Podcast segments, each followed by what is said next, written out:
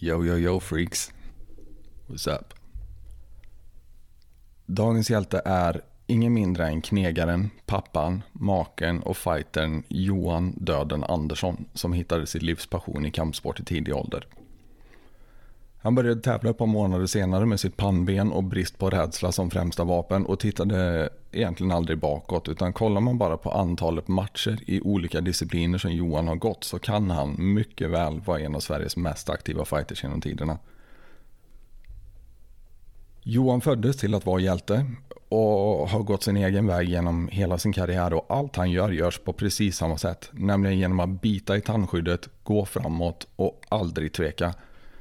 Och Johan kanske låter timid när man pratar med honom men han är helt klart en av de absolut tuffaste människorna jag känner och jag tycker han angrep den här konversationen med precis samma mod och framåt momentum som han har med sig i sin fighting. Det blir lite mörkt när vi diskuterar Johans pappas bortgång i cancer och det ges uttryck kring en hel del mörka tankar i det. Så en liten varning kring det om man är känslig. Annars så var det här en rakt igenom härlig och hjärtlig konversation med en underbar vän. Mina damer och herrar, Johan Andersson.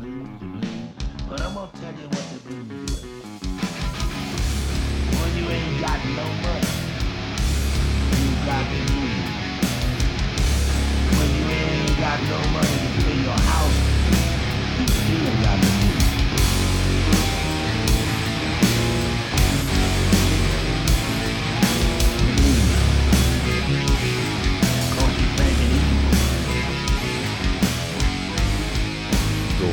tar vi och hälsar Johan Andersson välkommen till Hjälten i din själ.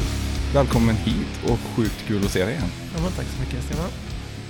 Eh, vi kan dra en liten kort presentation här. Du är, eh, hur gammal är du? Jag är 35 är jag.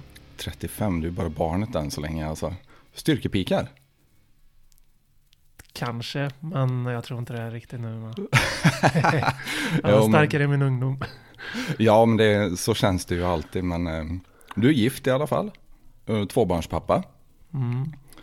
Fungerar som knegare på fritiden. Och, eller fun, fungerar som knegare professionellt rättare sagt. Och, och gillar att slå folk på käften på fritiden. Ja, precis. Och förutom en hel hög med random medaljer från diverse grapplingtävlingar. Lite överallt i världen till och med va? Mm. Så har du också två silvermedaljer från MMA-SM. Mm. Det, stämmer bra. Absolut. Du, alltså, du tog ju med en skitfin present här. Vill du prata lite mer om den? Eh, jo, men jag blev inspirerad av eh, de andra gästerna som hade med sig handskar och någon mer present. Så jag tänkte att eh, ett benskydd, mitt första benskydd eh, från eh, min kampsportskarriär fick du. Ja, men det är ju skithäftigt. Tack så hemskt mycket. Det var en fantastiskt eh, mysig present får jag faktiskt säga. Även om den luktar svett och sådär grejer. Så alltså, jag uppskattar verkligen hjärtat bakom det får jag säga. Ja, det, den är ju nästan 20 år gammal. Så. Ja, fan det är lite vintage alltså. Ja, Ja, det är coolt. Eh, Som nästan alla andra i den här podden så träffades eh, du och jag via MMA om inte lyssnarna har räknat ut det än. Så nu är vi tillbaka på spåret. Vi hade en gäst igår, spelade in ett avsnitt med Johan Fogelström och det var faktiskt den första gästen som jag inte har träffat via MMA. Men eh, nu är vi tillbaka i form igen. Men jag tror du var omkring 16 år när jag träffade dig på klubben första gången, kan det stämma? jag var nog lite några år äldre. Kommer inte ihåg riktigt. När, när, hur fan var det? Alltså jag började 2005 eller något. Fast då började jag med kickboxning från första början. Så, så jag måste nog ha varit li, något år äldre. Ja. Så säger 18 kanske? Mycket möjligt. Du bodde fortfarande hemma hos eh, föräldrarna i alla fall. Och vi Ja, var väl på dig en del om det också, vi andra. Jag. vi var avundsjuka för att du hade det så jävla bra antar jag. ja. ja det var tidigare när man bodde hemma. Du var inte så gammal som sagt, men du vägde ändå 20 kilo mer än mig vid tillfället. Och jag kommer ihåg att jag hatade din jävla anakonda. Är det någonting du använder mycket än eller? Mm, nej, den har jag lagt av att göra faktiskt. Okej. För det, det kom ganska bra escapes mot den senare. Så den blev inte så jättebra i slutändan. Det, det, det finns, eh, jag vet inte om det blev när man tränade mer och mer så lärde man sig lite mer avancerade grejer som är lite bökigare att ta sig ut också. Så. Men eh, den var bra. Jag, fast jag var mycket, vad ska man säga? Eh, jag, jag, jag trodde på den då, men sen när jag märkte att den inte funkade mot vissa så då, då försvann självförtroendet lite för den. Men jag kanske ska ta upp den igen. Den, den var bra. Jag vet vi hade en diskussion kring det för att första gången som jag lyckades escapa från din anakonda, det var bara ren, ren jävla flax egentligen och frustration från min del. För jag kände att den var på väg in, jag kunde inte stoppa den.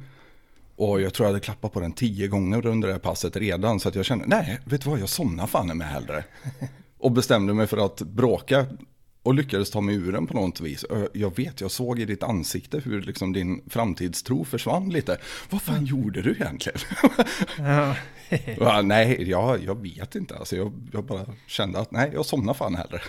Mm, ja, men det finns, eh, det finns lite enkla knep att ta sig ur den eh, när man väl kommer på dem. Men det är svårt i stundens hetta. Men, men eh, till slut så hittar man de här små vägarna och då Ska ju tillägga att jag hade inte en jävla aning om vad en sit-out var vid tillfället. Så att ja. Men hur hittade du till MMA egentligen? Alltså vi pratade lite om att du hade kört kickboxning innan, men hade du kört någon kampsport innan MMA eller innan Colosseum Fight Center? Colosseum kickboxning hette det ju på den tiden. Alltså om vi drar tillbaka det när jag blev intresserad av kampsport från början. Så jag tror att det var runt 2000 eller något sånt där. Jag var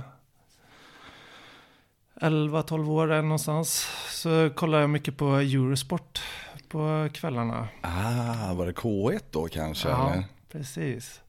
Så, och jag vet, jag kollade mycket på K1-finalerna som gick vid nyårsafton.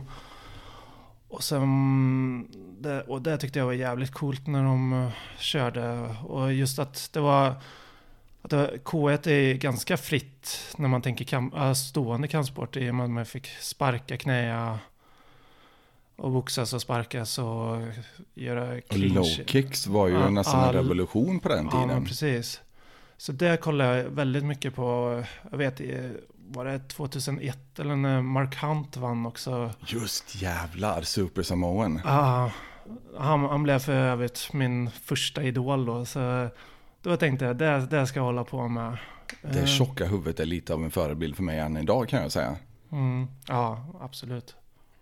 Ja, det är, Men det var han som ledde in dig på K1 alltså? Mm. Och, och då började jag att leta kampsport, vilken kampsport. I och med att K1 är ju en blandning mellan alla Alltså egentligen är det väl alla kampsporter som börjar på K egentligen har de väl... Eh, ja men visst fan var det så? Det var karate, kung fu, eh, kickboxning. Eh, det var väl det som var tanken med K1 där? Ja precis. Och man mixade alla. Så att typ en boxare eller en thaiboxare kunde gå och möta en som var ja men taekwondo-kille eller, eller liknande. Så det, det, det lockar mig jäkligt mycket.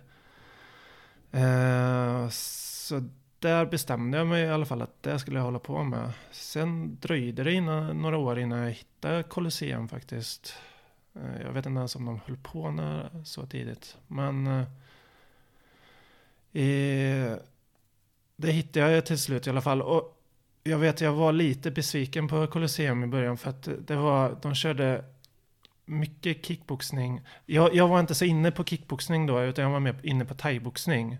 Det var väl det som var mitt luriga. Och jag vet att de körde thaiboxning i Skara, så jag var väl egentligen sugen på att åka dit. Men det var inte så görbart att åka när man var en liten kille där. Så, uh, så det fick bli kickboxning. Men sen, hade, sen körde de ju faktiskt thaiboxning också på Colosseum. Fast det var bara avancerade gruppen. Så Eh, men det var väl så jag hittade till Colosseum i alla fall. Roligt. Mm. Och sen gick det ju faktiskt några, eller ganska många K1-matcher också. Mm, K1 och vi tävlar mycket i något som heter Sancho. Det var också... Visst fan. också lite K1-inspirerat där, i och med att det var ganska fritt. Och, och det var ganska bra, vad ska man säga, nybörjartävling eller att börja med. I och med att det var, det var fullkontakt mot kroppen men man fick inte knocka mot huvudet. Det kommer jag ihåg, så semikontakt eh, ish. Okej, var det här under All-Style-dagarna kanske eller? Mm, ett All Style Open tävlar jag mycket i och sen fanns det en gala som hette Emmaboda Kung Fu tror jag att det Just det. Där var jag några gånger och körde matcher också. Och, och då var det också, det var lite MMA-inspirerat också i och med att man fick kasta också. Man fick göra kast och göra double leg och Fast så fort man hamnade på backen och så fick man sitt poäng och sen fick man eh, ställa sig upp och köra igen då. Men eh, mm, där kände jag att den, den var, det var bra början där. Gick lite kickboxningsmatcher och sånt också. Eh, Du letade aktivt efter mindre och mindre regler som jag gjorde kanske eller? Ja, men precis. Inte mindre och mindre regler, men att kunna få vara så fri som möjligt. Det, jag vill inte bli, bli begränsad. Ja, det blir ju samma sak som mindre regler. Alltså, eh, men jag gillar inte att bli begränsad av vad man kan hitta på egentligen. Nej, men jag har alltid känt det där också. Jag växte ju upp med traditionell kampsport. Min första kärlek var judo. Sen har jag hållit på mycket med boxning däremellan. Och någonstans så känner man ändå att det går runt människor där ute och kan plocka ner mig och förstöra mig. Mm. Och jag vet inte vad jag ska göra åt det. Jag är inte okej med den verkligheten. Det var lite så jag kände i alla fall. Mm, ja. Jag, jag kände kanske mer att det blev reglerna. Ju, ju mer regler du har, ju mer enkelspåret blir det. Alltså, då får det bli så jävla bra. Alltså om vi bara tar brottning. Jag kan tycka att brottning, vanlig grekromersk brottning blir lite tråkigt. För du går och väntar till din enda öppning. Och när du får den så gör du ditt bästa kast. Som du har tränat en miljon gånger på. Jag kan tycka, tycka att det är lite tråkigt i slutändan. Ja, men jag förstår lite vad du menar. Alltså, man begränsar sig väldigt mycket genom att eh, ignorera halva kroppen. Ja, Och öppningarna blir ju också begränsade i och med att alla vet exakt vilken nivå du kommer att komma in på. Mm. Ja, för ju mindre regler du har, ju, ju mer lekfull kan du vara. Du kan hitta, hitta öppningar som inte är så... så strikt- Ortodoxa kanske? Ja, så strikta nu. Precis. Du, det, du, du, får, du får öppna ditt mindset lite mer och göra det som... Ja, men det som krävs för stunden liksom. Det blir mer tredimensionellt jag förstår precis vad du menar. Alltså, man kan hitta vägar runt problem på ett helt annat sätt när du inte är begränsad av ett regelverk. Ja, Och jag tror det har varit det som har varit tjusningen för mig lite också. Jag menar, jag växte ju upp med Bruce Lee bland annat. Och hur den eh, lilla kan eh, spöa den stora. Och det blir ju inte mer tydligt. Eller det finns inga tydligare exempel på just det där. En liten människa kan spöa en stor än till exempel i markkamp i MMA till exempel. Då man kan hitta sina egna vägar runt problemet och inte är begränsad av regler. För måste du stå som 60 kilos kille och grek-romersk brottas med en 120 kilos kille, det kommer att gå åt ett enda håll. mm. Det kommer det att göra. Men rent teoretiskt i alla fall, nu vet både du och jag att 120 kilos brottare är as och förmodligen hade stoppat alla andra försök också. Men rent teoretiskt så kan man faktiskt hitta vägar runt det där om du inte är begränsad av reglementet. Ja men precis. För det är omöjligt att lära sig alla tekniker som finns eh, om, det är, om du har möjlighet att göra många tekniker. Så, och det blir ju så. Ju, ju färre regler, ju mer möjligheter finns. Och då är det mer hjärna som behövs istället för bara den fysiska delen. Det är jättekul att höra din take på det också. Men du hade inte kört någon annan kampsport innan då förstår jag. Eh, jag och brorsan och eh, Det här låter som början på en episk historia för övrigt. Jag och brorsan, det har aldrig Ja. slutat bra när man öppnar med det. Och, och, och min kusin. Eh, vi, mm, alltså, jag hade en liten, um, um, jag gick in på wrestling jäkligt mycket när jag var ja, men, runt det här 12-13 också. Hittade jag wrestling, det var egentligen min kusin som introducerade mig till det. Han hade både eh, tv-spel med wrestling och hade köpt hem lite gamla filmer och sånt med gamla matcher och sånt. Så, Fan vad coolt. Vilka var de stora stjärnorna när du började kolla? mm, alltså, alltså de stora har ju alltid varit Hulk Hogan och det, men jag, jag kollade inte så tidigt, men det var liksom, man såg det lite i efterhand eh, när man var ung, eller vad man ska säga. Ehm, men jag har alltid blivit, eh, alltså det, det finns, jag har alltid gillat de som har varit eh, eh, tekniska av sig och kan få ett bra flow i, i sina matcher. Och jag, jag kan tycka att wrestling har fått lite oförtjänt dåligt rykte, att det är fake och hela köret. Men eh, sy ihop sådana matcher som vissa kan göra och få det flowet och göra alla tekniker, alla, alla lyft, alla hopp och det är fan inte lätt alltså. Jag snackar mycket skit om wrestling i mina dagar, men atleticismen och alltså misshandeln som de utsätter sina kroppar för är ju på riktigt, även om matcherna är uppgjorda. Ja, precis. Det, det är ju det är en storyline och det, det är ju matcher de har tränat på, men man, man vet ju alltså det är inte skönt att bli slängd ifrån någons axlar och landa på ryggen eller, eller ännu värre ifrån en steg eller så.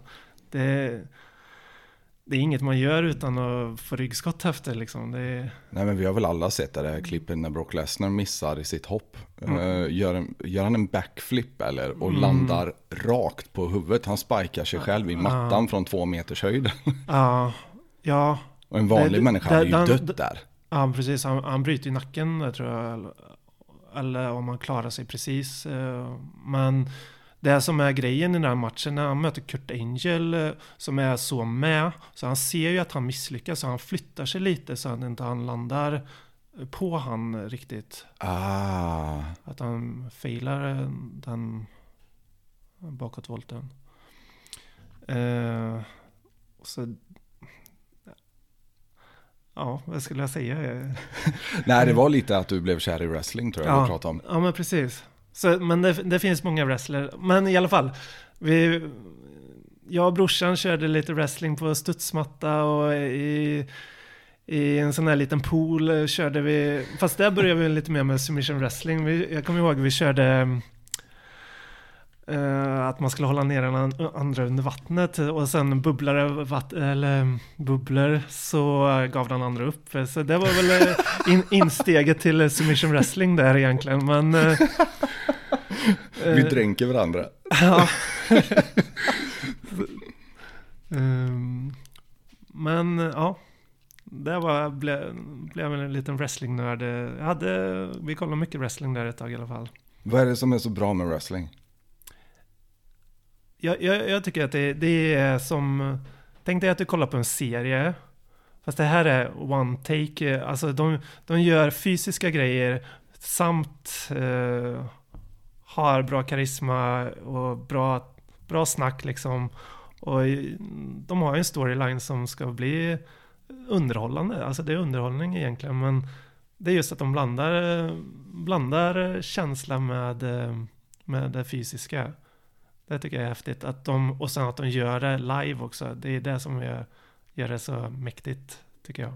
Och för er som inte tycker att det här är riktiga atleter, hur ofta gör de det? Det är typ 150 gånger per år eller någonting. Ja, de turnerar ju och har ja. ett sjukt schema. Ja, det, det, är, det är nog jävligt tufft att vara bland de stora. Eller det är nog tuffare att vara bland de mindre också. Men, men eh, ja. Och det är väl, det är väl nackdelen. Det är nog, jag, tror väldigt få är rena i slutändan där. Alltså många dopar sig för att hålla den, den fysiska bilden också, tyvärr. Nu ska vi ju vara väldigt, eh, om vi ska vara djävulens advokat här lite, eller jag gillar ju att vara det. Så jag hörde ju en läkare uttala sig om att det vore direkt hälsovådligt att genomföra till exempel Tour de France utan steroider. Okej, ja. Han menar på att ja, men du, det är faktiskt bättre om du tar steroider innan det. För att det kommer att sätta spår i din kropp som du aldrig kommer att bli av med annars. Ja, ja. Och jag kan ju tänka mig att det är ungefär likadant med wrestling. Jag menar, det är inga små saker de utsätter sig för i de här matcherna. Och även om det är uppgjort som vi pratade om innan så skadorna är ju på riktigt. Ja, ja men precis. Så alltså inte för att jag pumpar doping på något vis. Jag tycker inte det är en bra grej. Men eh, i det här fallet så kan det nog faktiskt till och med vara nödvändigt. Mm. Men om vi nu snackar wrestling, alltså jag är lite nyfiken på hur man kommer in i det. Om man, om man som helt nybörjare vill börja kolla på wrestling, vad ska man kolla på då? För att när folk vill komma in i MMA så brukar jag rekommendera första The Ultimate Fighter-finalen till exempel med Stephen Bonner och Forrest Griffin. För det är en väldigt enkel match att förstå. Man ser hjärtat i de här. Man, eh, man ser liksom väldigt tydligt vad som är bra med sporten. Finns det något liknande inom wrestling tycker du? Uh, alltså jag, jag tycker ju att uh, man skulle ju kunna bara söka på någon rolig match till att börja med. Typ Kurt Angel mot Shawn Michaels. Alltså få se en riktigt bra match där eh, de, de är så synkade och man får se flowet liksom.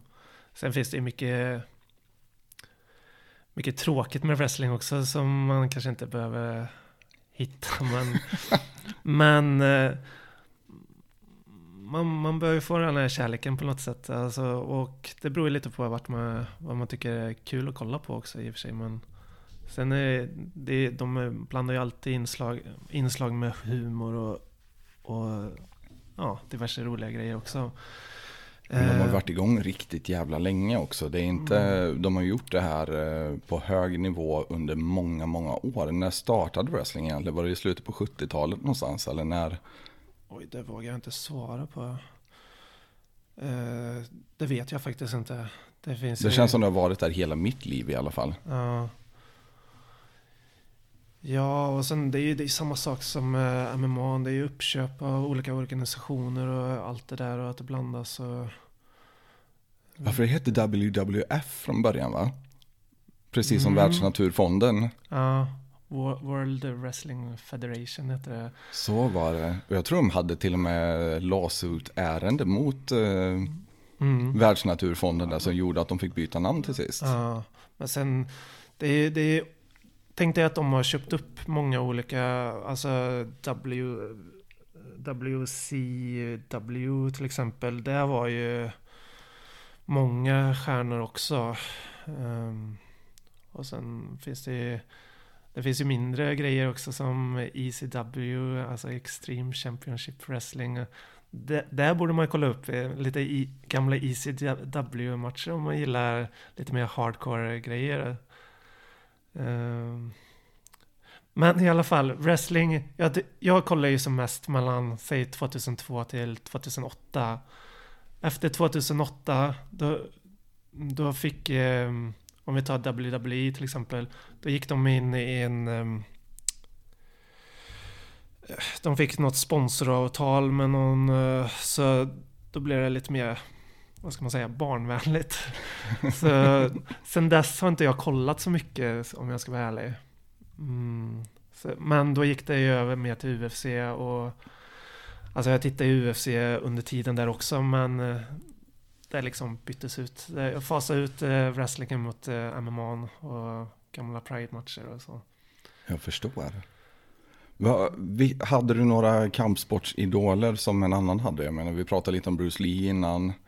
Hade du kampsportsfilmer? Hade du några favoriter där? Alltså Van Damme-filmerna vet jag. Det, det var väl och, och Rocky-filmerna det var väl Guldstandard lite. Ja, ja men det, det var nog mina go-to liksom.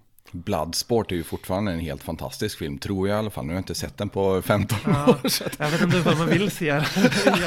Man har bra minnen och Däremot Rocky-filmerna tycker jag, de har jag sett i närtid i alla fall. De tycker jag håller, håller måttet i alla fall. de gör det alltså. De har Ja. varit rädd för att återbesöka kan jag säga. Mm. Mm. Men då är det Van Damme och eh, Rocky i alla fall. Har du några andra som... eh, Några andra kampsportsstjärnor, eller filmstjärnor tänker du? Ja, alltså det är ju det är ett vanligt Alltså, sätt att komma in i kampsport. Ja, Alltså jag... jag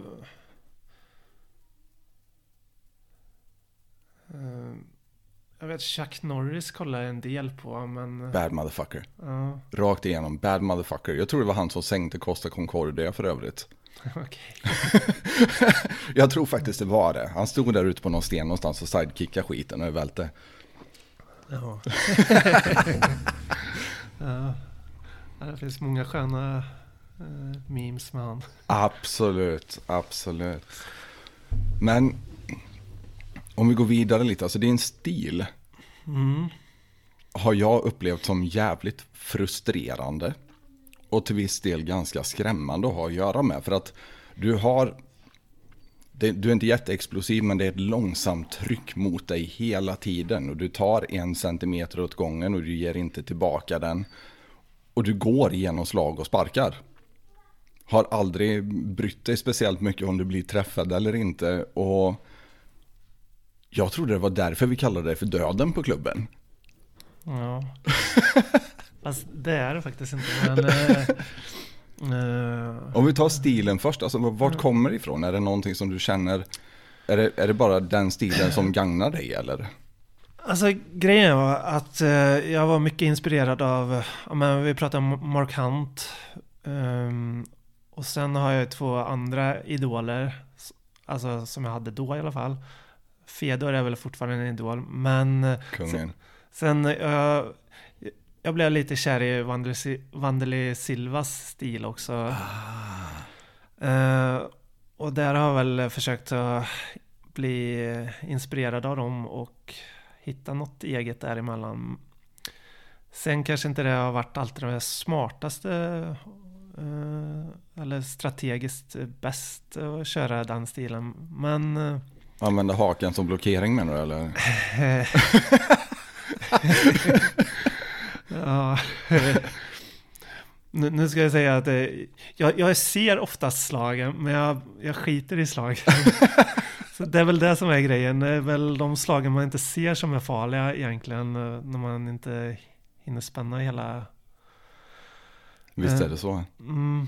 Men eh, det är väl de som grundat stilen i alla fall. Sen har jag väl eh, hittat på lite eget, eget däremellan. Sen, jag har en annan, eh, på senare år har jag fått en annan som inspirerar mig också. Bobby Green, om du känner till honom. Jajamän. Redan från Bully Beatdown körde han sina matcher. Eller, Aha, Mayhems gamla serie alltså. Ja, han var med mycket där.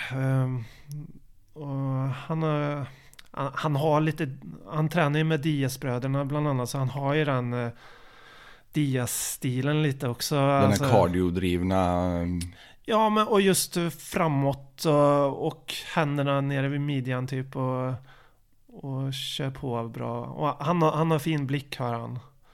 Eh, ja men blicken är viktig. Alltså Mm. vill du utveckla det lite? Jag menar, det, det var ju som jag sa innan att eh, slag som du inte ser, de, det är de farliga slagen. Och man kan du eh, se slagen innan så hinner du göra så, alltså, och inte vara rädd för slagen. Eh, då hinner du göra andra grejer. Alltså du, då kan du kontra, skydda eller spänna dig eller rulla med slagen. Eller bara ja, flytta, flytta dig lite så att de inte blir så alltså farliga i slutändan. Så en schysst blick är alltid bra. Och, det tänker jag att det, det är bra ifall du spelar fotboll och, och hela köret. Du kan inte liksom springa och kolla på dina fötter och, och vara en bra fotbollsspelare tänker jag. Nej men jag Eh, förstår vad du menar lite också. Jag har sett ganska många exempel på det. Du och jag har ju varit ute i tävlings-Sverige ganska mycket. mm, Och jag har sett dig gå igenom väldigt mycket där också. Bland annat så har jag sett dig käka rena haymakers. Rakt på käften mer eller mindre och i stort sett hålla ögonkontakt med motståndaren under tiden. Så att det ligger ju någonting i det där att du ser dem. Mm. Ja. ja det, det, det det är egentligen få smällar som har liksom... Jag har känt att shit, det här skakar till egentligen. Jag, jag får ju mycket smällar i huvudet men... Sen vet jag inte om det är hur min kropp är byggd eller ifall det är min... eh, Mina, min, alltså min blick eller vad det är. Nej men du har alltid haft en jävla talang för att käka bestraffning utan att bry dig. Mm. Eh, ja. Sen kanske inte det är världens Sen- bästa strategi men alltså Eh, se- Sen, jag, jag är duktig på att undvika de riktigt hårda slagen. Det, det måste jag säga. Att jag, jag rör mig åt rätt håll när, när jag ser att det kommer hårda slag. Så jag flyttar mig lite så att... de- ja, men det är inte helt clean varje gång i alla fall. Nej, och jag, jag är duktig på, på att få den andra på hälarna också. Och då får de inte samma utväx, utväxling av slagen heller. Nej men det var lite det vi pratade om med det här långsamma trycket. Att du är alltid på väg framåt. Så det är väldigt svårt att avfyra någonting Ja, när någon är nära hela tiden. ja men precis. Men det är en medveten strategi alltså. Ja. Ja. Jag, jag vet, så länge jag håller press då kan ingen, eh, ingen slå så hårt som att göra någon skada egentligen. På mig Jag förstår. Jag förstår. Hur kom namnet Döden till? Eh, ja, jag vet inte, det är en, en, jag tror inte det är många som vet om det här egentligen. Men det var egentligen, det är ingen, eh, ingen big grej egentligen. Det var, Eh, det var nog på gymnasiet eh, som, eh, en, li, en lillkille där som jag tror att jag rufsade till hans hår lite som jag gick i samma klass med. Han, han var så här, han ville ha ha en fin frisyr men jag tyckte väl inte att han borde ha en fin frisyr. Så jag rufsade till honom lite. Så då, då sa han du är död, sa han. Och sen blev det mm, döden efter det. Och sen, ja, Ah, okej. på Ja, det, den var, vägen är det. det var på den vägen. För att jag har ganska många exempel nämligen på när döden passar in. Jag har kopplat Achilles på dig. Mhm. Och jag vill ändå tro att jag är rätt bra på att hissa en Achilles och de flesta brukar klappa, jag brukar se paniken ungefär halvvägs in. Men jag har aldrig sett en, alltså en uttrycksförändring på dig ens när jag har tagit sådana lås. Utan det är så su- supertydligt i din, dina ögon, det här är bara smärta och det bekommer mig inte. Ja. Ja, nej. Jag, jag är nog bra på att koppla på pokerfacet där oftast. Jag tror inte du upplever smärta som andra heller. Eh, nej, inte i början av min kampsportskarriär i alla fall. jag kan nog få ganska hårda smällar. Jag vet inte, jag var nog ganska mjuk i kroppen då också. Men det gick nog över efter 25-26 ålder- årsåldern där tror jag. Men, Ja, men jag brukar säga efter 23 någonstans. Det är där saker börjar hända, man skadar sig på riktigt. Och jag tror varje skada jag drar på mig efter 23 känns varje gång när jag går upp ur sängen. ja, ja, men det ligger något i det. Man kan ju slå ihjäl sig och få som bara sova på saken sen när man är uppe igen dagen efter. Ja, ja, eller ehm, nu kanske inte du har gjort så, men eh, jag har ju varit dum nog att vara ute och festa dagen innan jag går match och sådana här grejer. Det är ju sånt man kunde göra när man var ung, va? men fan sover jag fel nu så är jag ju invalid i tre dagar Ja. istället. Ja, man sover lite snett på kudden så får man nackspärr typ. Nej, men, Ja, visst. Ja, men vad känslig man blir när man Ja. blir äldre. Alltså. Jag vet inte om det är år av misshandel av kroppen eller vad det är som gör det där. Men det känns ju att man inte är lika cool som man var när man var yngre. Alltså. mm, jo, men det... Man blir nog lite tajtare lite här och där och så. Man har inte de där extra... extra rörligheten och alltså det tas väl ut på något. Så till slut får man väl småleder och sånt skit ändå. Ja, visst. Men jag tror faktiskt enda gången jag har sett dig uttrycka smärta. Vet inte om du kommer ihåg det här, alltså jag kommer inte ens ihåg vad stället hette, men det var ju ne- nuvarande Nexus när det låg i Slussen i Stockholm. Mhm. När Slussen fortfarande såg ut som Slussen också. Ja, Så var vi ju där Stockholm på- Shoot eller något Det sånt kanske var Stockholm Shoot det hette då. Vi var ju där på en instruktörsutbildning i alla fall i fyra dagar där vi tränade sex det. timmar om dagen. Ja, just det. Ja, den kommer jag ihåg. Är Och- du... De hade de här gamla traditionella tatami-mattorna som har ett fruktansvärt jävla fäste helt enkelt. Mm. Och jag vet efter första dagen så var våra fötter helt skinnflodda efter vi hade eh, shufflat runt där på den där mattan hela dagen. Ja, det kommer jag ihåg.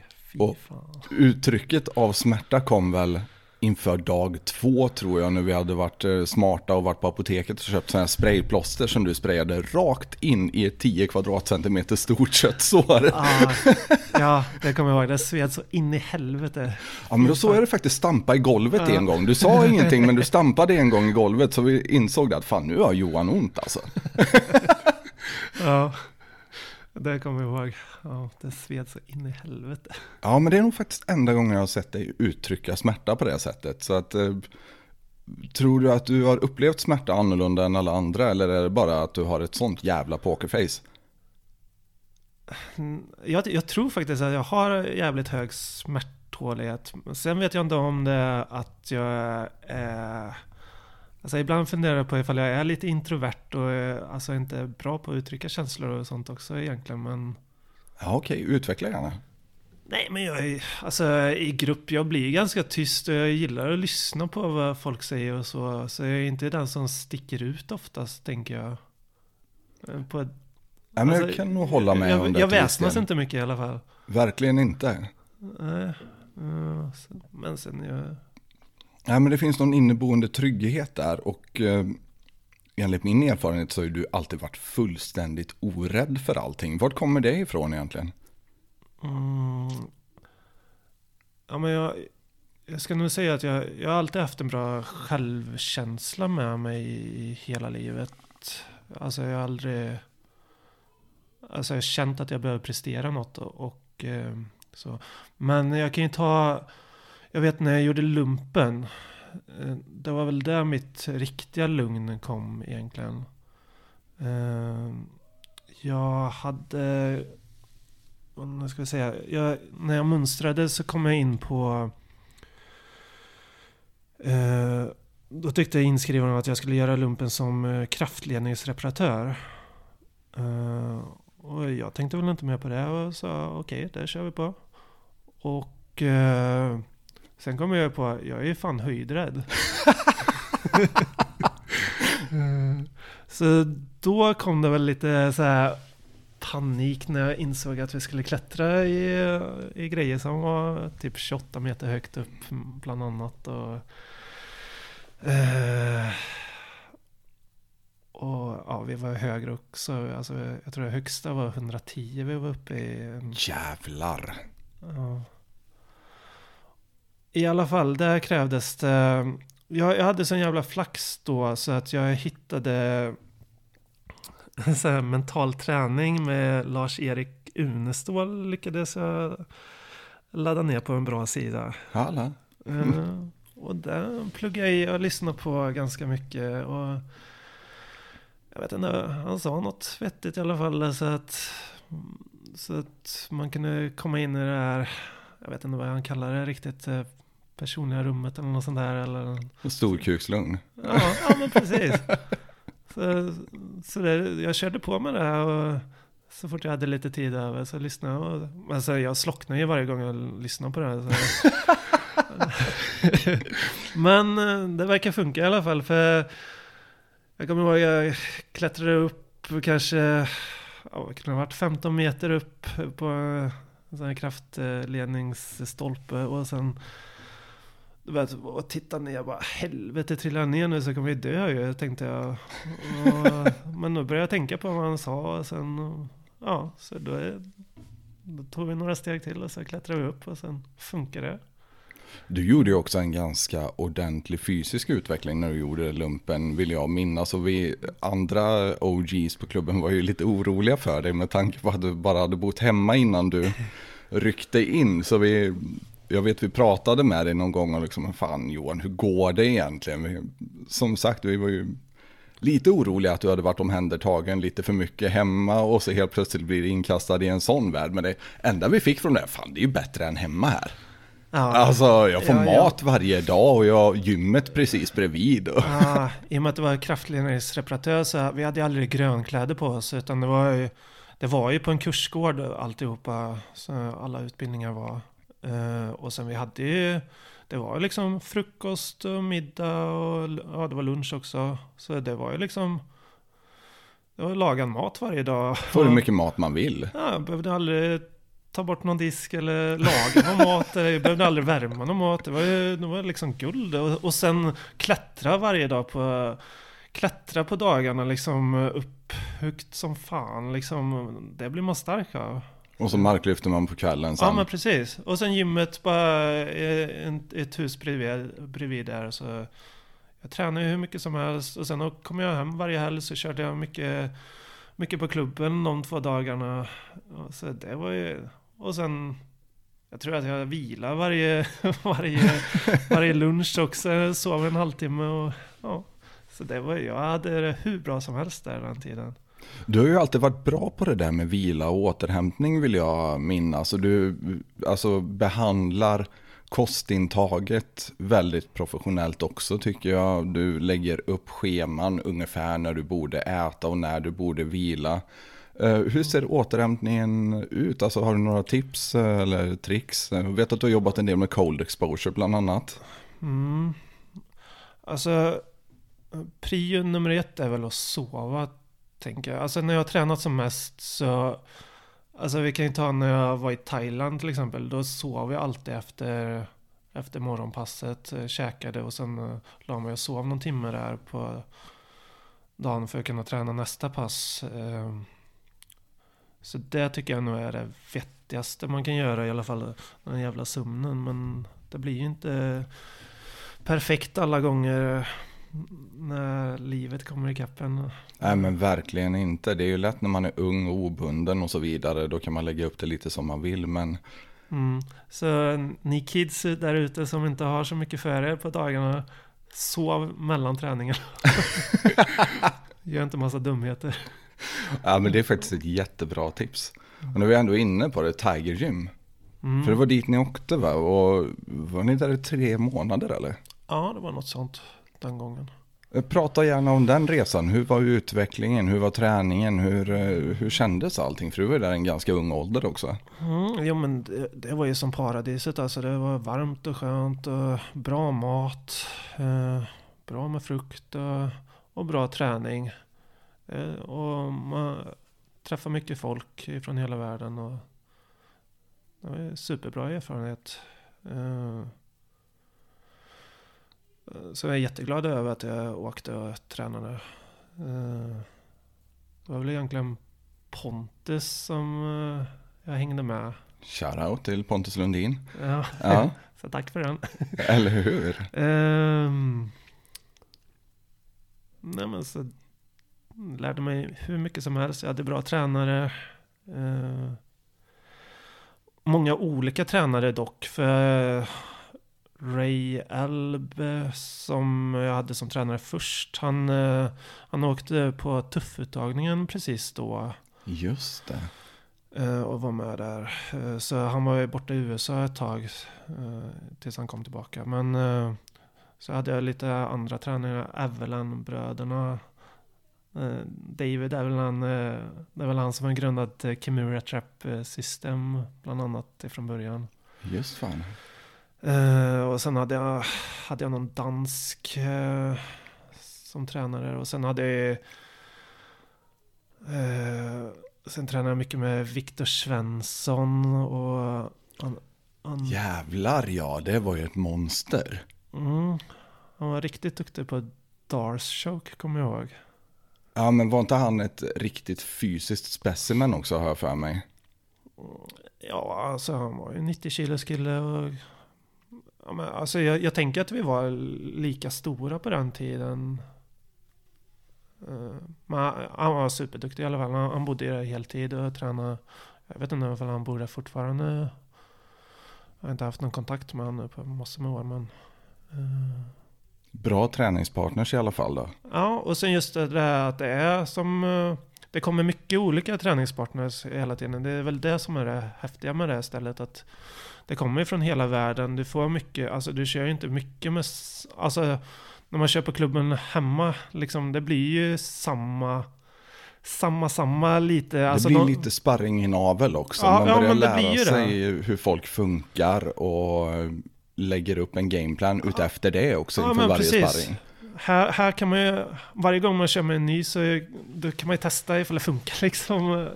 Eh, ifrån början eh, grejerna. Det, det, det blir mer matchlikt kan man säga. Ja, men det, det ligger absolut någonting i det där att ha många olika sparringpartners som man inte vet någonting om. Det är Ja. en jätteutveckling man får göra där. Ja, ja, Börja på precis. noll varje gång.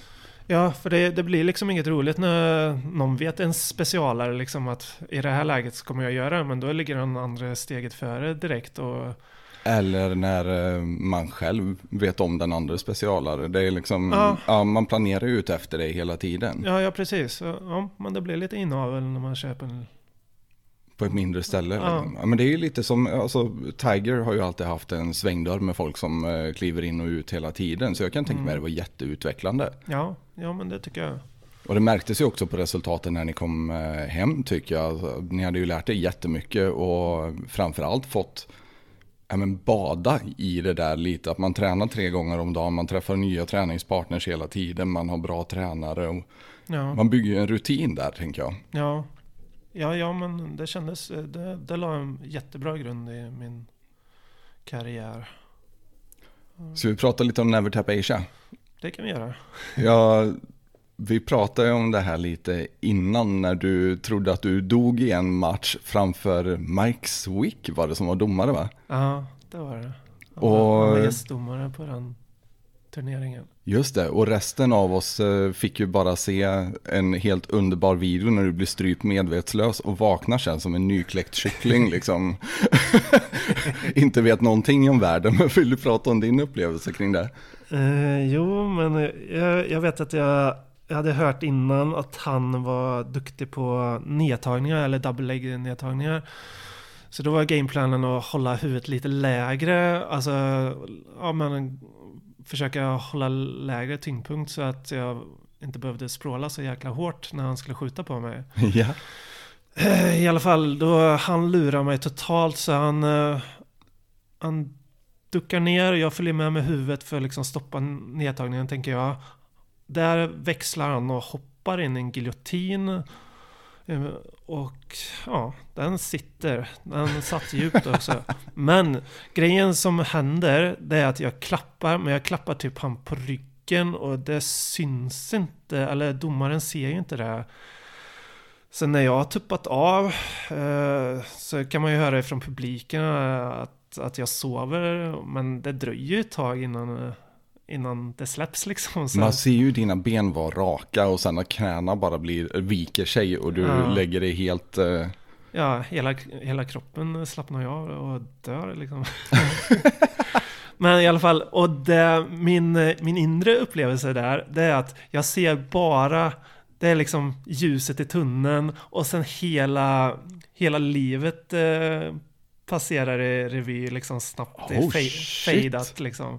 Ja, det, är rätt coolt så här efterhand när man tänker efter hur, hur det var. Jag, jag tänkte inte mer på det när jag körde där men men eh, så här när man reflekterar lite över det, det, det är ju Ja, man, man funderar lite på ifall man var lite på andra sidan där eller något sånt där eller Ja, visst.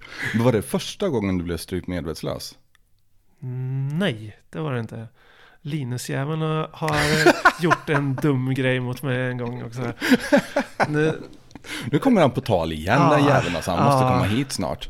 det borde han göra. Eh, Det var så jag och Linus eh, sparrades. Vi var själva på klubben. Det var i Skultorp när vi körde.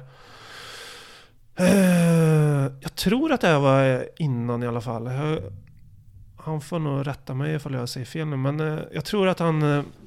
I alla fall, vi körde, vi körde MMA-sparring. Vi hade handskar på oss och körde. Eh, Han fick också in eh, kanske någon power-giljotinaktigt eller något sånt där. Fast, när, när jag klappar så har han fastnat med handsken i hans armveck. Så han får inte bort, han får inte ut eh, strypet. Så han håller ju kvar lite extra där. Fast han försöker ju få bort det hela tiden såklart. Men... eh, Du klappade väl inte första sekunden heller misstänker jag, jag känner ju dig. Nej, jag brukar ju hålla ut så länge tills det inte går mer. Men spe, spe, speciellt stängas. på den tiden när jag var ung och, ung och dum också. Så, eh, så eh, höll jag ut oftast länge. Men i alla fall, han fick inte bort handsken. Jag slocknar. Vaknar av att en hund slickar mig i ansiktet. Eh, Vänta nu, det här var Kami va? Var inte det Daniel och Elisas? eh, Stämmer bra hund? det. Ja, just det. det stämmer. Det var ju våran klubbmaskot på den tiden. Ja. Ja. Då hade de kommit. eh, Jag har ingen aning om hur, hur länge jag var borta där. Men det måste ju ha varit en stund eftersom de, de var inte i lokalen när jag svimmade. Och de var där då och sam, samt att jag, jag vaknade av att jag fick hur mycket, jag tror att de var valp på den då också. Så det var hur mycket valpslick i ansiktet som helst i alla fall. Hon var väl överlycklig, någon som är på min nivå. Ja. Ja, du får nästan fråga Linus vad han känner. Jag tror att han trodde att han hade dödat mig eller något. Men jag vet inte. Nej, det där är... Det är en speciell känsla att bli strypt medvetslös. Jag vet inte om du så, alltså, såg hissdörrarna stängas. Nej, så... Uh, historia vet jag inte men... eh, det är i alla fall... Men man känner, kroppen svarar inte i alla fall om man bara ligger där och bara... Och så första sekunderna efteråt när man försöker att prata och sådana här grejer och inser att fan jag vet inte hur man pratar. Nej, inte att rekommendera att hålla på och strypa varandra medvetslösa men det är, det är lite kul att skratta åt i efterhand Ja, faktiskt. det, är det. det, kan ju vara farligt. eh, Jag vet inte men... Jo men det är klart det kan vara. Alla har ju hört de här historierna om folk som har eh, lekt med det lite för mycket och Ja. hur människor inte riktigt blir samma personer efteråt igen. Mm, ja, nej. Syre, syrebrist mot hjärnan är aldrig bra. Nej, det är Eh, ingenting att rekommendera. Ko- Kommer du ihåg när Pontus förresten blev strypt när vi gick eh, den eh, MMA-utbildningen? Ja förresten? jävlar, det här kommer jag verkligen ihåg. Vi, vi fattade inte att han hade somnat och han satt kvar där och somnade. Ja visst, men det, det var Martin Jansson va? Mm. Som shoutout ifall du är där ute så du är en bad motherfucker du också. Ehm, jag har för mig att vi gick igenom rear naked choke och en variant på den när du kan strypa över hakan. Mm, ja, precis. Jag tror det var det som eh, hände och Pontus var väldigt, väldigt kritisk till om det här verkligen funkar. Ja, han, han trodde inte på det här. Och fick då sätta sig i Martins knä mer eller mindre och han gjorde det och sen såg, jag vet att vi såg Hans hand var på väg upp och han var på väg att klappa och just då, jag kommer inte ihåg vem det var, men någon skriker Stolthet! ja, just det. Och Pontus hand åker ner igen och helt plötsligt sitter han bara och rycker istället. Ja, Så bad motherfucker Pontus Lundin återigen, alltså mm, Coolt att han faktiskt lyssnade på uppmaningen. Men, mekanismen där bakom det måste ju vara, jag har alltid förklarat det för mig själv så i alla fall. Det känns som att man trycker in käkbenet i, i artärerna ja och stänger av blodet. För att jag, jag har också strypt folk medvetslösa med den här varianten över hakan nämligen. Ja, jo men så, så måste det ju bli. Det blockar ju eh, artärerna där. Att, Jag vill minnas att Damien Maya gjorde det här på någon också. Någon superbrottare, att han ströp honom över hakan och förvandlade till någon neckcrank sen. Jag för mig att det- näsa, näsan nästan exploderar på honom när han drar den och börjar spruta blod i näsan på honom också. Vem Okej. fan var det här? oh, ja, ja, det vågar jag inte jag svara på. Jag kommer inte ihåg riktigt. Det här måste jag nästan kolla upp lite och googla för att eh, jag vill minnas att det var ett väldigt eh, dramatiskt avslut. Ja. Så vi får nästan ta och kolla upp hans matchrecord där bara så att vi... eh, Jag, jag kan ju inflika, alltså Martin Jansson har ett jävla stryp kan jag säga. Jag, jag har gått en match mot han eh, en gång. Just det. Eh, och han lurar mig så in i helvete och jag får en uh, rear naked i slutändan. Och alltså, jag har aldrig känt Alltså hela struphuvudet och allt. Det är så jävla squeezet. Va? Det, det är skillnad på folk som kan strypas och folk som försöker strypas i alla fall. Det, Visst är det så. det är det jävla trycket som blir. Alltså när, när man känner att struphuvudet och hela strupen. Alltså man har ont i halsen. Jag, jag tror att jag hade problem med halsen ett bra tag efter det. Ja men det vill jag minnas att du klagade över lite faktiskt. Mm. Att, eh, ja, det kommer jag ihåg. Jag tror det var Nate Quarry. Okej, ja. Jag tror det var att han fick hans rygg och eh, inte fick in armen ordentligt och cranka lite istället och i samma ögonblick så exploderar blodkärlen i Nate Quarrys näsa. Ah, okej. ja. ja, men jag har ett svagt minne av det här. Ja, det är som sagt bara, det låg där i bakhuvudet någonstans. Men intressant alltså. Att man faktiskt kan strypa med käkbenet också. Mm. Ja, det blev en hel del matcher. Alltså, jag... Känns det fel att bli kallad för MMA-pionjär inom Sverige? Kanske i, i Sverige, men i alla fall i Skövde. Det kan man ju... Definitivt i Skövde. Jag menar, du var ju med på alla de här tidigaste SM, men du var med på det första SM i submission wrestling. Mm, eh, ja. Jag tror att du var med på första MMA-SM också. Ja, ja, det var N- lite... när det hette MMA, eller alltså vi började kalla det för MMA, Ja. tänker jag. För att det, vi hade ju shootfighting-SM innan. Mm. Ja, minnet sviker lite där, men, men absolut. Alltså jag gick ju klubbens första grapplingmatch vet jag och första shootfighting-match och MMA-match. Alltså då... Var det Gameness? Gameness gick jag med en första grapplingmatch. Men Just det. fast vet du, det här är ett år innan du var med faktiskt. Ja, det kanske var. För jag vet inte om du kommer du ihåg Monir? Nej, jag träffade aldrig honom. Mm. Det är min... Eh, ja, alltså han har mycket... var- Han, han hade hållit på med grappling innan. Det var han som drog in mig på grapplingspåret på riktigt alltså. Ehm, han hade tränat eh, på Cesar MMA i Strängnäs. Han hade Åke Bergvall som tränare. Okej. Eh, Så han, han lärde mig typ alla grunder och allting. Så jag fick ett jättebra försprång där. Vi blev bra kompisar där ett tag. Eh, Tills han flydde land till Barcelona tror jag att han flyttade till. Ja, det känns ju inte som ett dåligt val. Nej, Lite trevligare klimat än här i alla fall. men i alla fall han, han är jag jättetacksam till att jag träffade. För han, han lärde mig jättemycket med, alltså jag, jag visste knappt vad submission wrestling var då.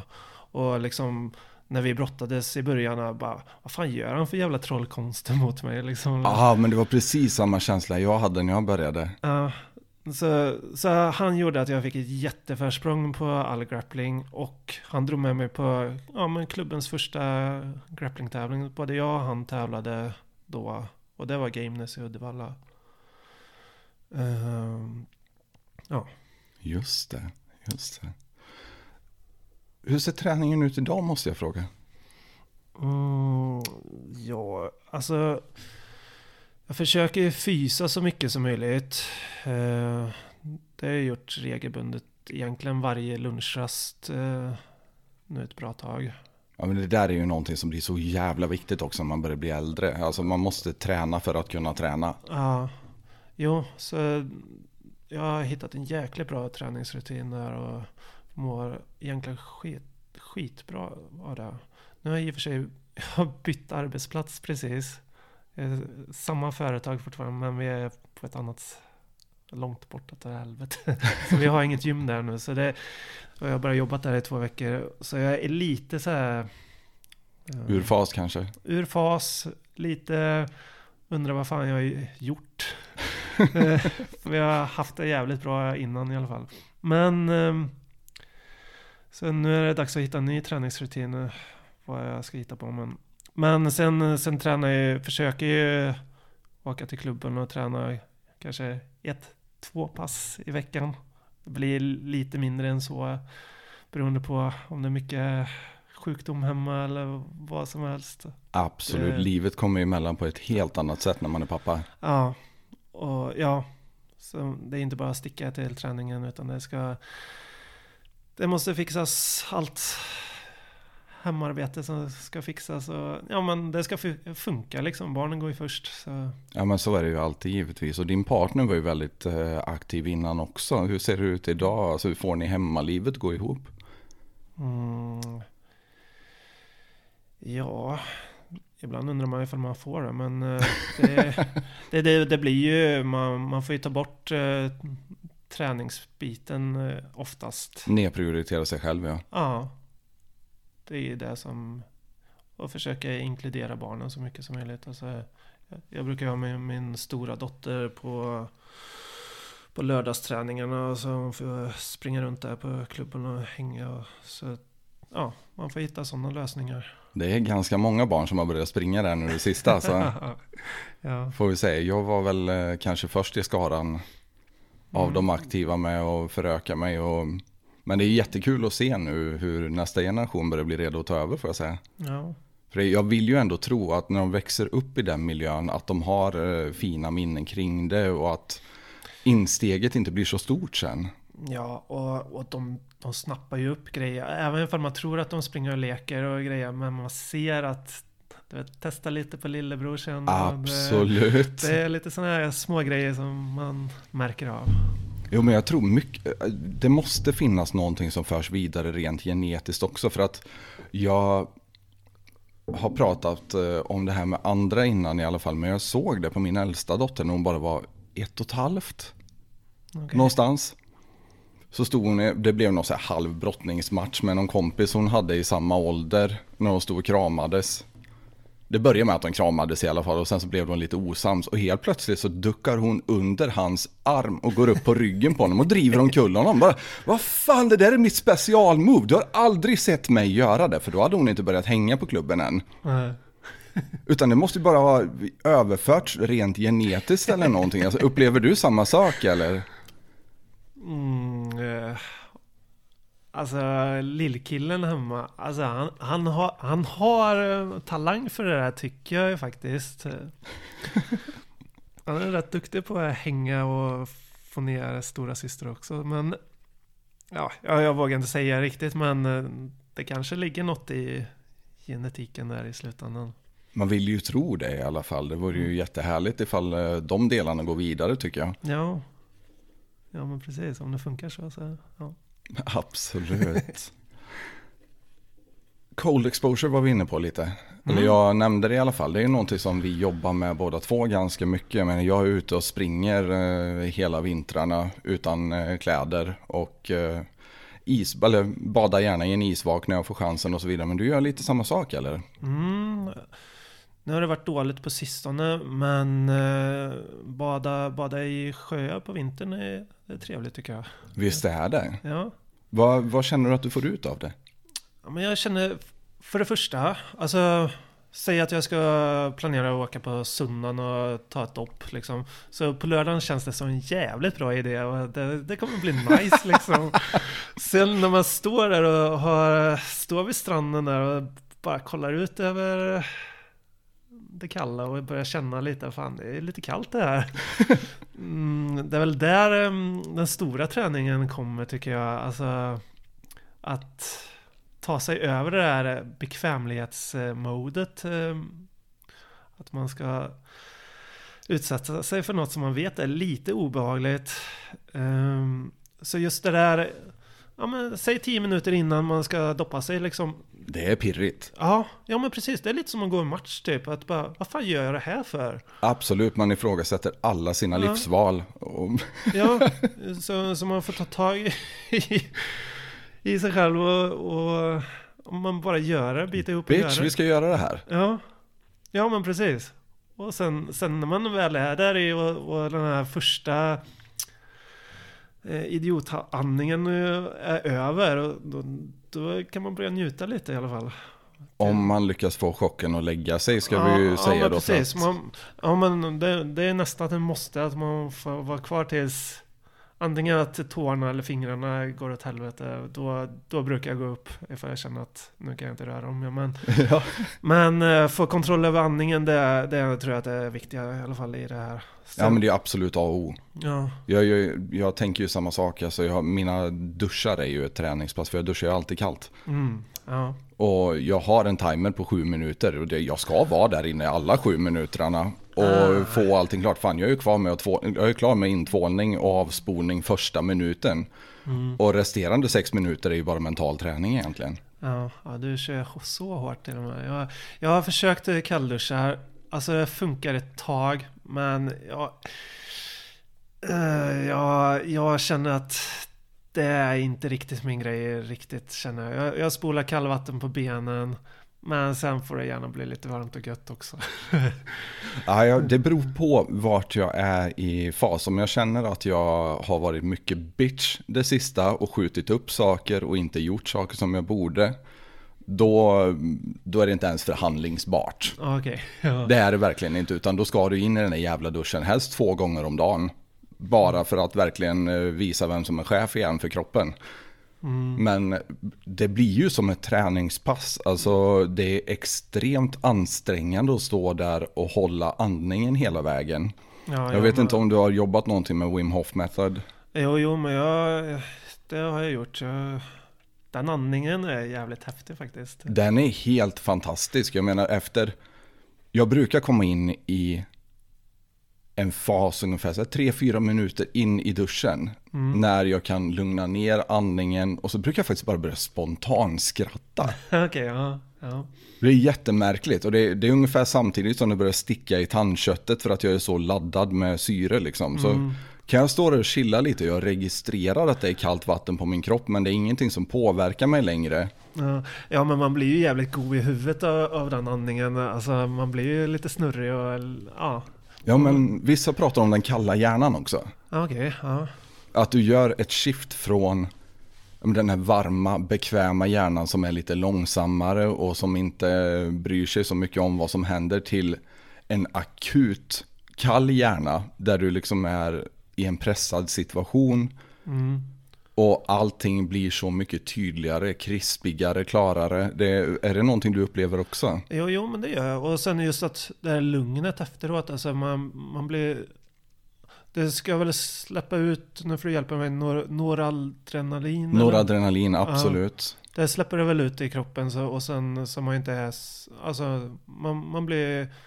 Ja, man blir lugn och god i hela kroppen efter utmanat sig med det. Verkligen. Sen rekommenderar jag absolut inte att folk går in och ställer sig i en sju minuter lång kall dusch det första de gör. Utan börja lite försiktigt för annars kommer ni bli avskräckta kan jag säga. Ja, ja men precis. Man får ta det i steg lite. Och gärna, alltså, jag, jag har ju finsk bakgrund så att det här är- har ju varit med mig i stort sett hela mitt liv. Att man går ut ur bastun och rullar sig i snön eller hoppar ner i isvaken och så vidare. Men då har du ju alltid det här att gå tillbaka till också. Och Det är nästan skönt när du kliver ut ur en varm bastu när hela du kokar och kyla av dig. Ja, Vad tycker du om den extra nivån som det ger att bara gå ut till sjön, klä av sig och vara kall redan från början?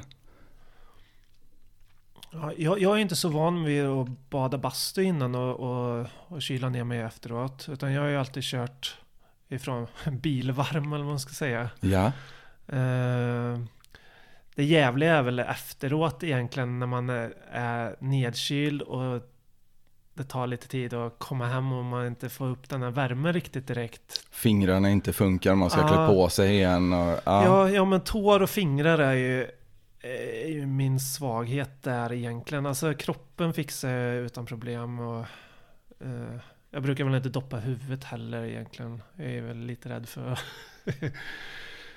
Men ehm, Jag brukar bara dumpa för att vara ärlig. Jag Ja, mer okej. eller mindre kanonkula ner den där jävla vaken och sen får jag bara hantera det. ja. Jo, men eh, variation är väl bra också där. Och testa lite olika så det, det blir nästa gång då. Ja men, Kan, eh, kanonkula i. ja, men prova alltså bara dumpa ner hela kroppen direkt för att det, det ger en lite extra nivå när man har varit under ytan också. Mm. Det ger en till nivå av akuthet eller vad man ska säga. jag, jag, jag brukar alltid doppa huvudet när jag är färdig, alltså innan jag ska gå upp så brukar jag köra ner huvudet under för att få lite nedkylning av huvudet också. Men, Ja, härligt. Eh, Men vad, vad tycker du att det har gjort för dig? Alltså gör det någonting återhämtningsmässigt eller är det mest mental träning? Bra fråga. Alltså, det mentala helt klart. Alltså, jag känner mig lite mer alltså, hård i psyket. Jag håller med, det är en helt annan edge än man är van vid. Ja, sen vad det gör fysiskt mot min kropp, det, det vågar inte jag svara på riktigt. För jag, det har inte jag reflekterat direkt över att... Eh, för jag har ju även tagit isbad i, i lägenheten och sånt också när jag bodde där. Eh, men jag, jag känner nog att det, det är fan det psykiska alltså. Det, få det här lugnet, hitta lugnet i sig själv. Sen, det borde göra massor med, med kroppen också, alltså med det fysiska. Ja, men jag tycker det. Alltså, det känns som att det spritter i hela kroppen när man väl kommer upp. Och man Ja, känner ja, sig som men- en supermänniska. Ja, ja, men du, den känslan är ju asskön också. Att när man kommer upp så, och man blir så varm och god, alltså kroppen börjar elda på också. Att man blir varm i kroppen och får den riktiga värmen Ja. inifrån. Den, är ju hur, den måste vara hur bra som helst för kroppen. Ja, men det känns lite så. Så känner man sig som en supermänniska också. Här Ja. står jag blöt och naken på en brygga och jag tycker att livet är okej. ja, ja, ja, men precis.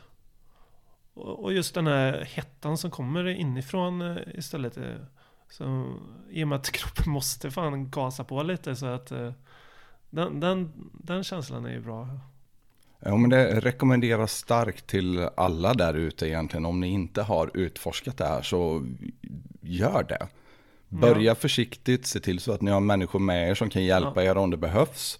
För det är ingen barnlek överhuvudtaget, utan det är träningspass både för huvudet och kroppen. Men jag rekommenderar det varmt. Mm, håller med. Skulle du vilja följa med och köra någon cold run någon gång också? Det absolut. Det vore skitkul om vi kunde styra upp det faktiskt tycker jag. Så, Det, det är gärna på. Men, på en Instagram-sida nära dig snart. ja, jäklar. Vi har några riktigt roliga grejer som, eh, som ligger framför oss här som eh, vi har kommit överens om att diskutera. Och en sak är ju bland annat en... Eh, vi kan ta bakgrundshistorien. Alltså när vi satt i omklädningsrummet en gång i tiden. Alltså det blir mycket locker room talk. Eh, inte fullt så douchigt och manligt som eh, många av er tror där. Utan det blir mycket tv-spel, det blir mycket nörderier och så vidare. Men en legend som har gått runt i kampsport-Sverige ganska länge. Och jag vet faktiskt inte när det började. Vi behöver inte nämna några namn här kan vi börja med. Vi vill inte hänga ut någon. Men det var lite en locker room-sägen om en man som eh, kontaktar kampsportare för att köpa en väldigt speciell tjänst. Och snacket gick lite att man inte är en riktig kampsportare förrän eh, man har blivit kontaktad av honom.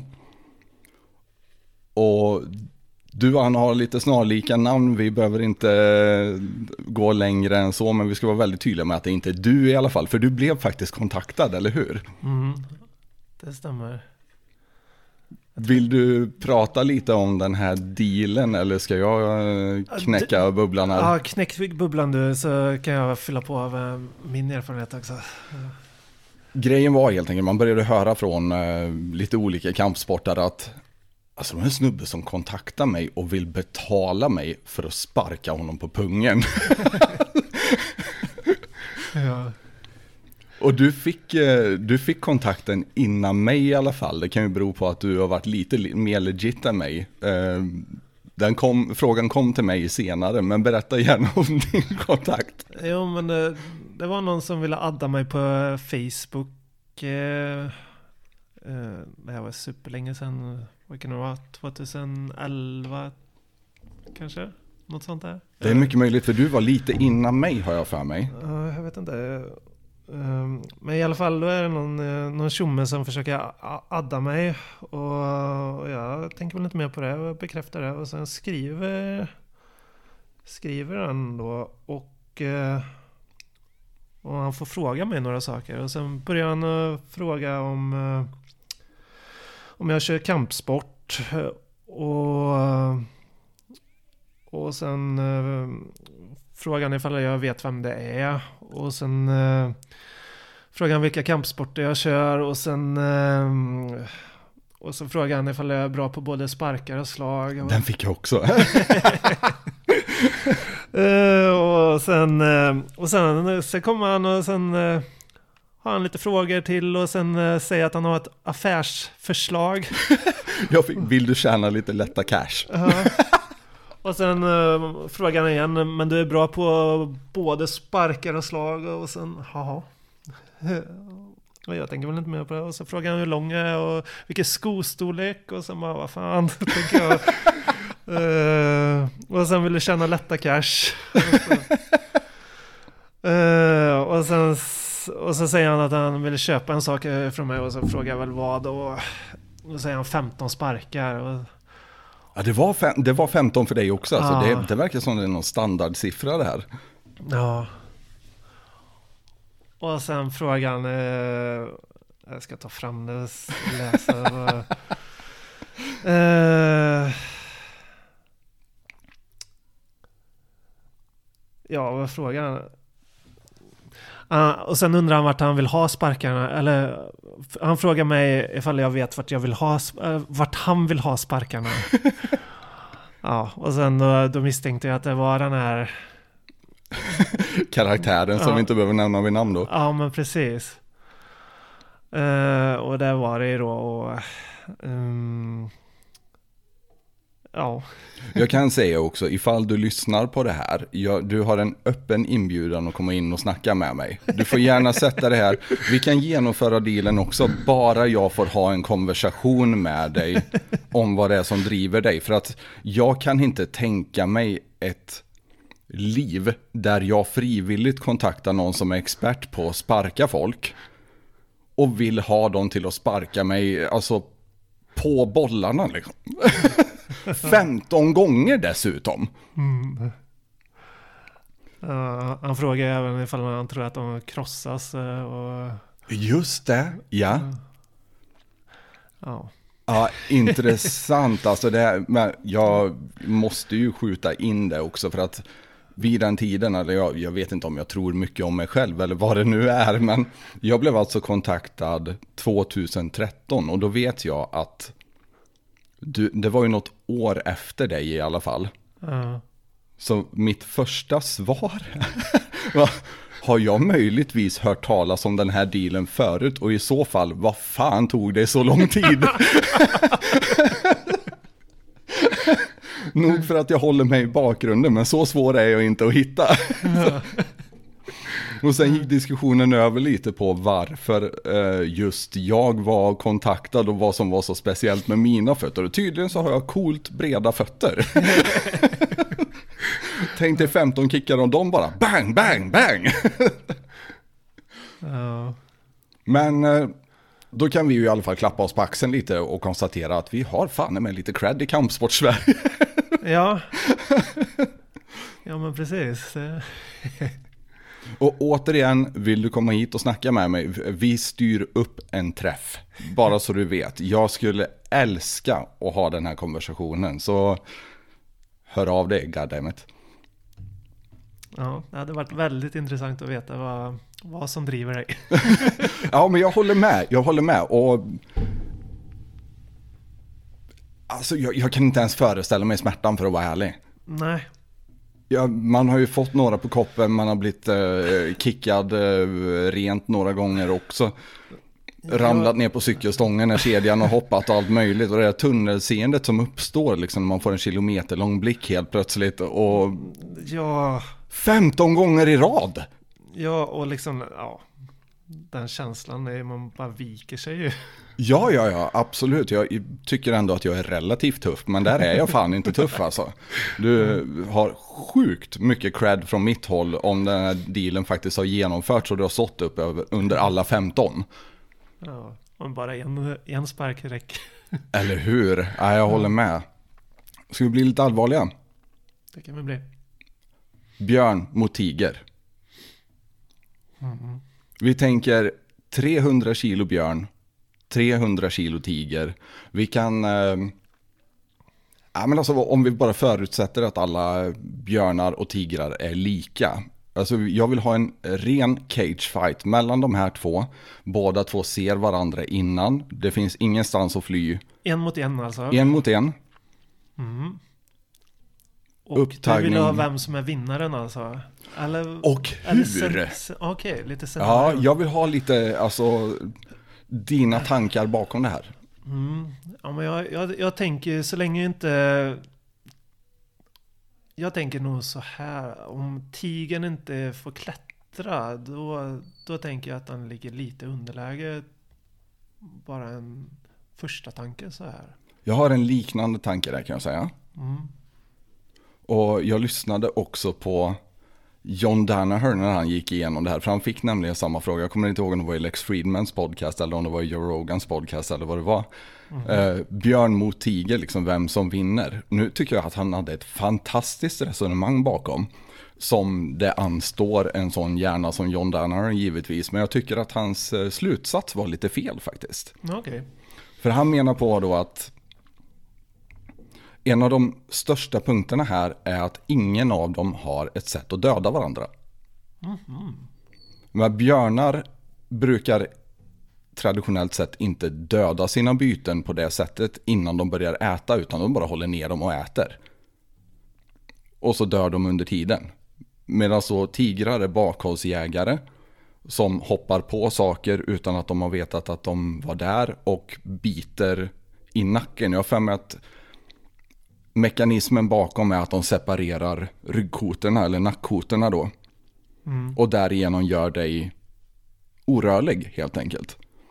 Men om man då tar björnens fettlager i beaktning, alltså de har ett gigantiskt fettlager runt hals, nacke, ansikte, alla vitala delar.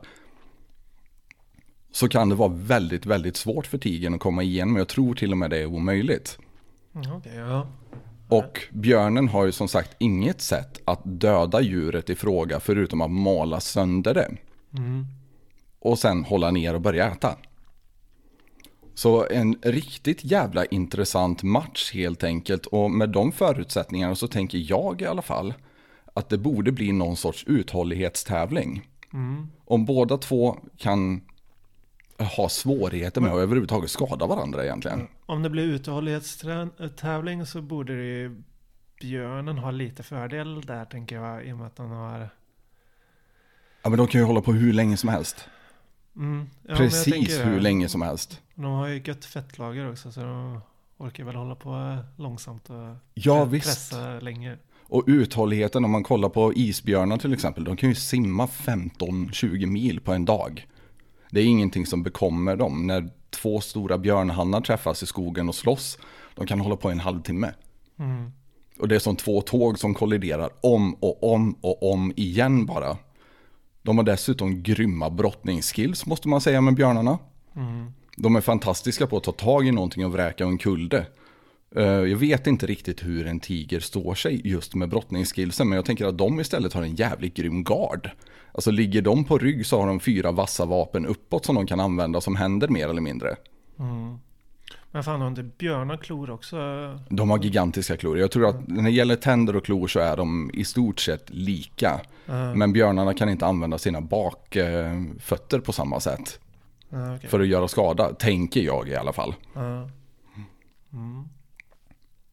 Ja, intressant frågeställning. Mycket intressant och jag tror någonstans kommer min dotter att visa någon teckning här också. Kan vi, kom, kom, kom och visa.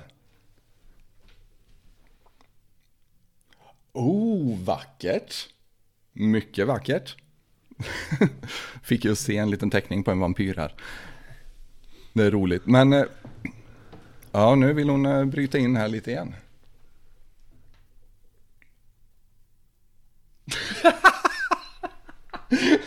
Ja, det ska vi inte läsa upp högt. Absolut inte. Galning.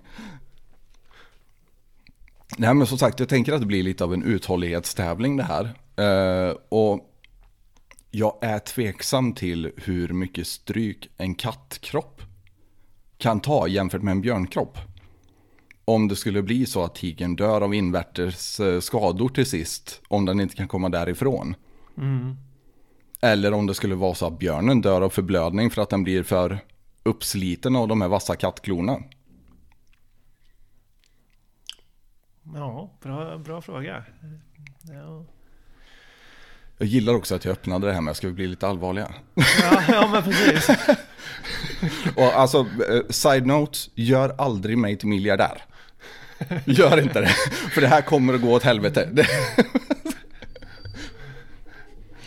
Ja, nej men alltså jävligt intressant match och ehm, om man ska ta det lite ännu längre så måste jag dra upp den eh, anekdoten som jag eh, hittade när jag eh, trillade ner i ett kaninhål en gång i tiden. Eh, vilket jag ofta gör. Alltså, jag vet inte om du känner igen den här känslan, fan klockan är halv två på natten, borde jag verkligen klicka på den här länken? Jo då, Ja. det har hänt många gånger. Och så kommer man ut ur halv åtta på morgonen och ja, du vet vad jag menar. Jag började undersöka lite för att våran järv och den afrikanska honungsgrävlingen är ju väldigt lika, både i sättet och i kroppen. Mhm, Okej. Honungsgrävlingen har en tendens att leta upp lejon och andra kattdjur och starta bråk med dem. Utan, till synes utan någon som helst anledning förutom att de hatar dem. Okej. Och honungsgrävlingen har ett jättetjockt skinn som nästan är omöjligt att bita igenom. Och slutar aldrig. Ja. Bara slutar aldrig. Den hatar kattdjur verkar det som. Det fanns till och med en helt underbar dokumentär från ett eh, zoo i Sydafrika där eh, huvudpersonen då var, var just en honungsgrävling. Och vilka, vilken fight de hade med att hålla den här instängd. För han bröt sig ut hela jävla tiden ur sin inhägnad. Hur mycket de än modifierade den så bröt han sig ut på något vis.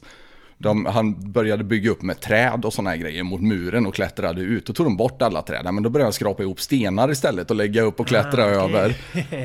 Och då tog de bort alla stenar, det var inget problem, då började han rulla lera vet du. För och lät den torka och gjorde stenar av så att han kunde Det smita. låter som en kreativ själ. Mycket kreativ själ och målet med varje utbrott var att ta sig in i lejoninhägnaden och starta bråk. Mm, Okej. Och då är det här ett djur på 15 kilo någonstans. Så, och några gånger så fick han ju riktigt stryk när lejonen gangade upp och ja, han fick åka till veterinären ett tag och så kommer han tillbaka till sin nymodifierade inhägnad som han också bryter sig ut ur och startar bråk med lejonen igen va. Så, och då börjar jag jämföra den här med våran järv lite. Järven är ju givetvis lite större, den väger omkring 25 kilo och har en Alltså, jag vet inte vad man ska kalla det ens. Alltså, det, det är så många myter kring järven och dess aggressivitet. Hur den bara kan gå in och sno bytet från tre, fyra fullvuxna vargar för att de kan inte hantera den aggressiviteten helt enkelt. Och jag fick dessutom ett ögonvittnesskildring då när jag var i det här kaninhålet om hur en järv på 25 kilo en gång hade dödat en fullvuxen isbjörn. What? Okej. Nu pratar vi verkligen deep, deep, deep här, men det var någon inuit som hade blivit eh, vittne till den här fighten och hur järven bara hade hängt sig fast i ansiktet på den här björnjäveln.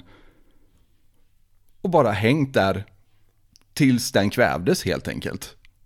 No. Ja, drygt två timmar senare så dör björnen, kort sagt. Okej. ja. Så att björnar är ju uppenbarligen också skadliga, man kan döda dem. Ja. Och mycket mindre saker kan döda dem. Men jag är väldigt tveksam till om en tiger kan göra det. Fan, järvar, har inte de så här superstora tassar som de kan eh, springa på snö jävligt lätt va? Jo, absolut. Och de beter sig lite som en vålnad i Sverige. Alltså de har ga- gigantiska eh, revir, hanarna. De, man pratar om att de kan ha 30 kvadratmil som de patrullerar hela tiden. Och de tolererar inga inkräktare. Ja. Så att de håller ju nere sitt eget antal väldigt bra på det sättet. Ja. Och stöter väl till viss del bort andra rovdjur och sådana här grejer också bara på grund av sin eh, aggressivitet och att de inte tolererar några konkurrenter. Ja. Ja, riktigt coola djur helt enkelt och jag eh, tackar dig för eh, att du sköt in eh, så pass i diskussionen ändå. Jag tror att det här är någonting som kommer att vara återkommande. Lyssnarna där ute, och kom in med era åsikter så kan jag berätta för er varför de är fel. Eh, ja. Men på tal om rovdjur och sånt då, carnivorekost. Mm. Det är intressant tycker jag. Mm. Berätta. Ehm, nej men jag, jag tänker så här, alltså.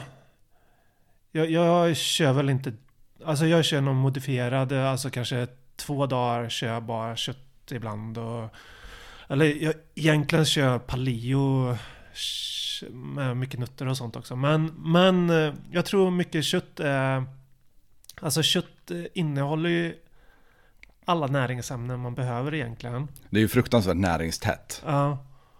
Och jag tänker så här. eh, Det är ju svårt att få i sig allt ifrån grönsaker. Det är ett jobb. Mm. Det är ett heltidsjobb nästan. Och, Särskilt om man tränar mycket. ja men precis. Och, och speciellt ifall man vill ha det ekologiskt också. Då blir det en kostnadsfråga. Eh, så, så jag tror på att äta, äta bra kött. Behövs. Vad har du för källor på kött? Alltså har du några speciella? Har du något gårdsslakteri eller någonting som du brukar Eh, åka till? Eller vilt alltså, eller? I re, Rekoringen brukar jag handla ifrån när, när det går. Alltså jag är inte perfekt. Jag, det blir även Hemköp och Ja, men självklart. Och sånt också. Men, eh, men där föredrar jag att köpa kött. Alltså, det, är- det är alltid bäst att veta att... Eller, om, jag tror att kö- djuret har haft det bra, då mår jag lite bättre i alla fall av att äta kött. Ja men det finns en grej där. Det är ju samma anledning till att jag jagar till exempel. Jag, jag får en helt annan historik på min mat. Ja, I- men, men det känns mer ärligt. Jo men i bästa fall också så det här djuret som man eh, skjuter då har i absolut bästa fall inte ens sett en människa innan. Vet inte ens om att de finns eh, fram tills de dör av en snabb hjärtattack liksom. Ja, ja, ja men det är, det, är, det, är, det är så det ska vara kan jag tycka. Al- Alternativt att de har levt fint på en gård. Men det är ju... Ja men det ska vi säga också. Här omkring finns det ju faktiskt väldigt många bra gårdar som har jättefin djurhållning. Du kan träffa djuren mm, innan de hamnar i disken då givetvis. Och ja, men det känns som Ja, att det är sen- väldigt många som eh, jag föder tror- upp djur etiskt. Ja, jag, jag, tror mycket på att inte äta... Alltså, jag, jag, äta stressade djur är inte bra tror jag inte. För jag tror att det frisätts eh, kortisol i, i köttet. Och, och Säkert adrenalin och allt möjligt också. Ja. Som, jag, jag, tror- jag tror inte, alltså om vi, om vi bara tänker näringsmässigt så tror jag inte att det är bra att äta ett, alltså äta ett djur som har fått ha det lugnt och gött hela sitt liv. Alternativt käka en kyckling som har varit eh, instängd och aldrig sett eh, dagsljus. det där är ju ett kapitel för sig alltså. Ja. Det är, usch. Ja, nej, fy fan. eh, Hunds... Uh, hundsuppfödning, va? Alltså, när det blir... Alltså, det känns som... Ja, det är lite... Det, är, det är ett svårt ämne, men... eh, Jättesvårt. Sen ska du säga att det finns väldigt många som gör det bra också. Jag Ja. brukar till exempel handla ägg från en gård där man kan träffa hönsen och så vidare. Och det, jag tycker det är... ja, många har väldigt bra djurhållning Ja, kring det också. Ja, ja men, men är, är det bra djurhållning med, med lagom djur? Det, problemet är väl när de blir för många så att du inte kan ge alla den kärlek som behövs. Ja, eller den uppmärksamheten bara. Ja. För det, det är ett hårt jobb att hålla efter djur. Och ju Ja. fler de blir, desto svårare blir det ju givetvis. Ja, absolut. Ja. Sen, sen, alltså mormor och morfar har ju varit bönder hela, alltså, hela deras liv. Och, alltså, om, om inte morfar hade blivit sparkad av en kossa så hade han hållit på fortfarande. Han är, han är över 90 år nu. Så. Åh herre jävlar. Men jag säger det, kor är onda alltså. Ja. ja. Ja, Han blev sparkad på lårbenet och bröt, eh, han bröt lårbenet. Ah, fucking hell. Och då var han typ 85. Jäklar, han har kommit tillbaka efter det alltså. Ja. En jävla krutgubbe det där. Ja men uppenbarligen, för det där kan ju vara katastrofalt för en äldre Mm. människa. Ja. ja. Jag vet inte hur länge. Han, han var ett tag på sjukhuset men visst han fick eh, rullator och sånt efteråt men de, de, bor ju bo, de bor kvar på gården i alla fall och hade han inte blivit sparkad där så hade han hållit på fortfarande med djuren och så.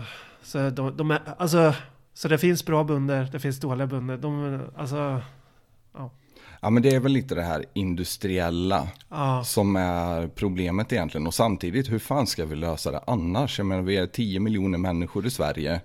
De allra flesta äter kött nästan varje dag. Mm, På något vis så måste man ju ändå försöka och tillgodose det behovet också. mm, Så jag förstår verkligen utmaningen gör jag, men samtidigt så skräckhistorierna man hör och ser från vissas djurhållning då, det är, det är ju så hemskt att man nästan bara vill stänga ner sociala medier och gå och lägga sig. Ja, ja men precis. Det... Ja, nej. Det är inte okej att, att behandla djur hur som helst. Alltså det... Nej, och sen kan ju inte alla vara jägare heller. Nej. För det har vi inte, vi har, vi har väl inte skogar till att supporta det misstänker jag. Ja, jag vet inte.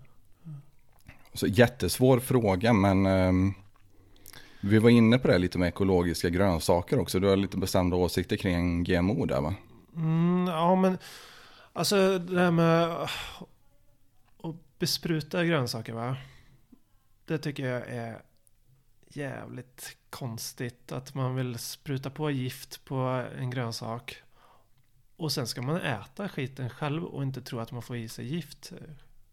Ja, vi pratade ju lite löst om det här innan också. Alltså att det är Roundup som används väldigt mycket i odlingar och så vidare. Eh, inte bara för att döda andra växter och parasiter och sånt.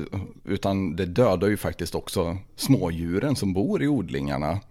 Och människorna som sprutar det här går ju runt med eh, alltså hazmat suits på sig för att inte bli skadade själva.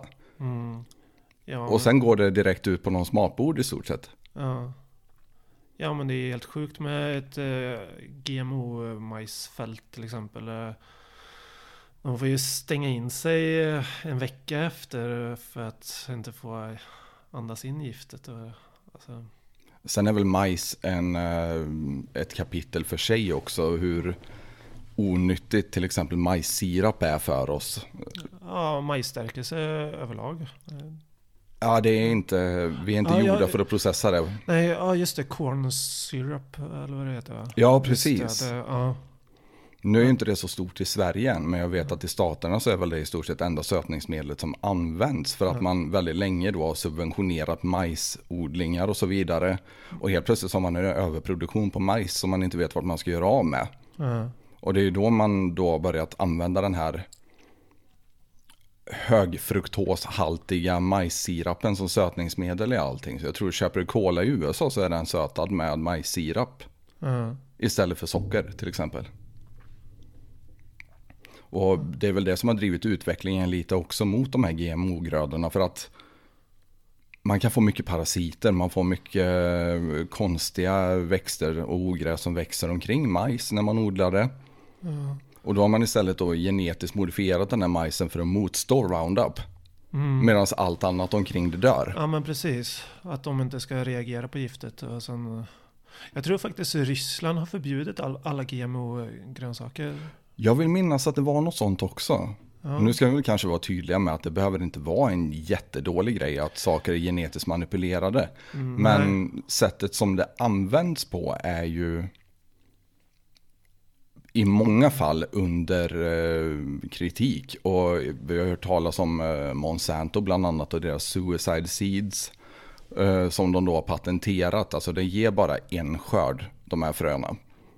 Du kan inte använda samma frön för att odla nästa gång och så vidare. Och ifall du då har de här patenterade fröna på ett fält och frön därifrån blåser över till grannens fält och börjar pollinera det och det börjar växa där, då har man då haft en, eh, en praktis där man helt enkelt stämmer den här grannen för patentintrång.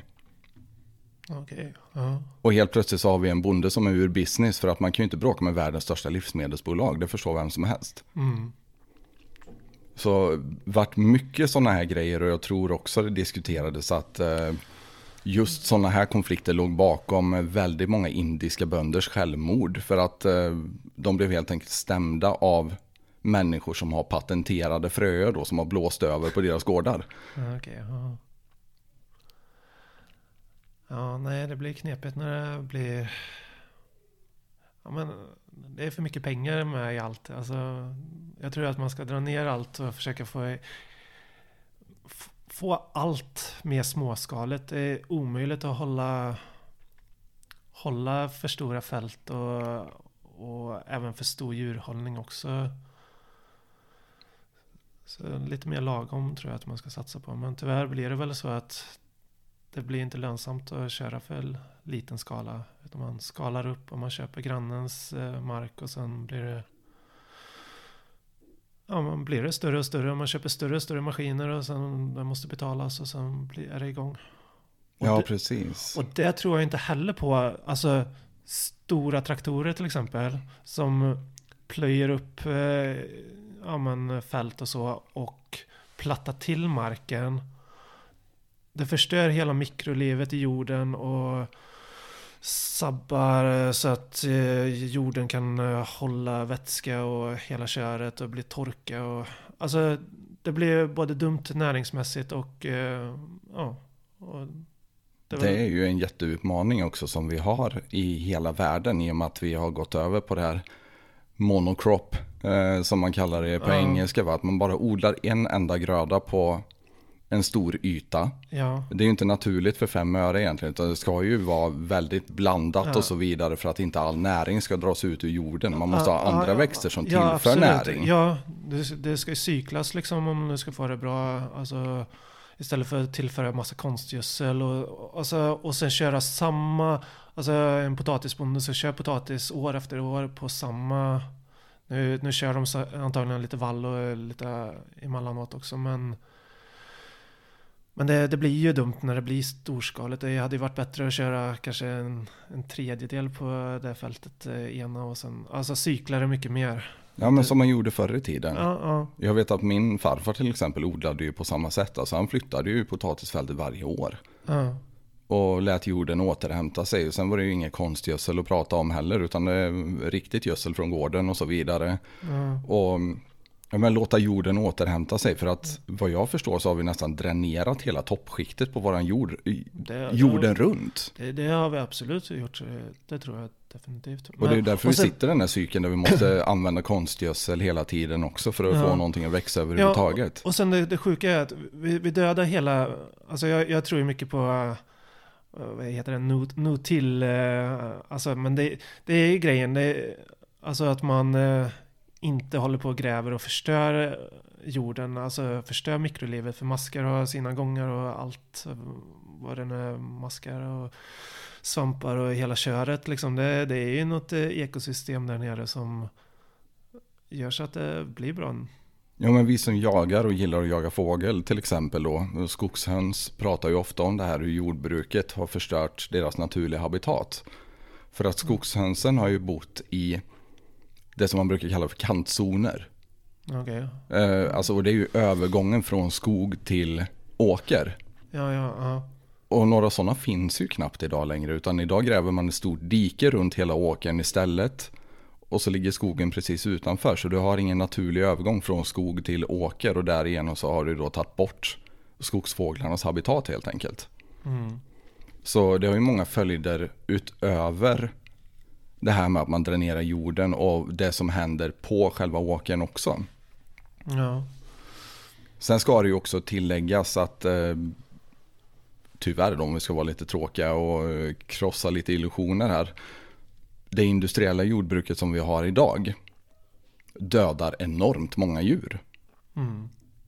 Enormt många. Jag menar eh, skördetröskorna hackar ju upp både alltså fåglar och gnagare och till viss del också rådjurskid och så vidare som har som försvar att de ligger stilla helt enkelt. Mm. Och det är, det är ju ingen slump att eh, alltid följer efter rovfåglar. Jag har till och med sett rävar springa efter skördetröskor bara för att vara med på partyt liksom. Ja. Så det är ju någonting i det där industriella återigen som blir så fruktansvärt fel. Mm. För om du inte odlar din egen mat och ser efter det själv så finns det ingen mat som är utan lidande. Nej. Nej, nej, precis. Eh, Jätteobekväm sanning för väldigt många vet jag. Men eh, det är ju samtidigt något som jag tycker att vi borde prata mer om. För att många lever ju ändå i illusionen om att man eh, minimerar lidandet genom att äta mycket grönsaker och så vidare. Men det är väldigt många djur som dör på det sättet också. Mm. Ja. Nej, men de, de, de flesta borde nog börja tänka sig lite för och börja odla lite själva och, och Sen vet jag att det, det är fan svårt att få ihop allt, men Jo, men jag har varit på en kompis lite om det där. Han är utbildad inom trädgård och odling. Ja, Och jag har varit på någon som fan liksom, men du, alltså börja sätta upp lite gerillaodlingar hemma hos folk.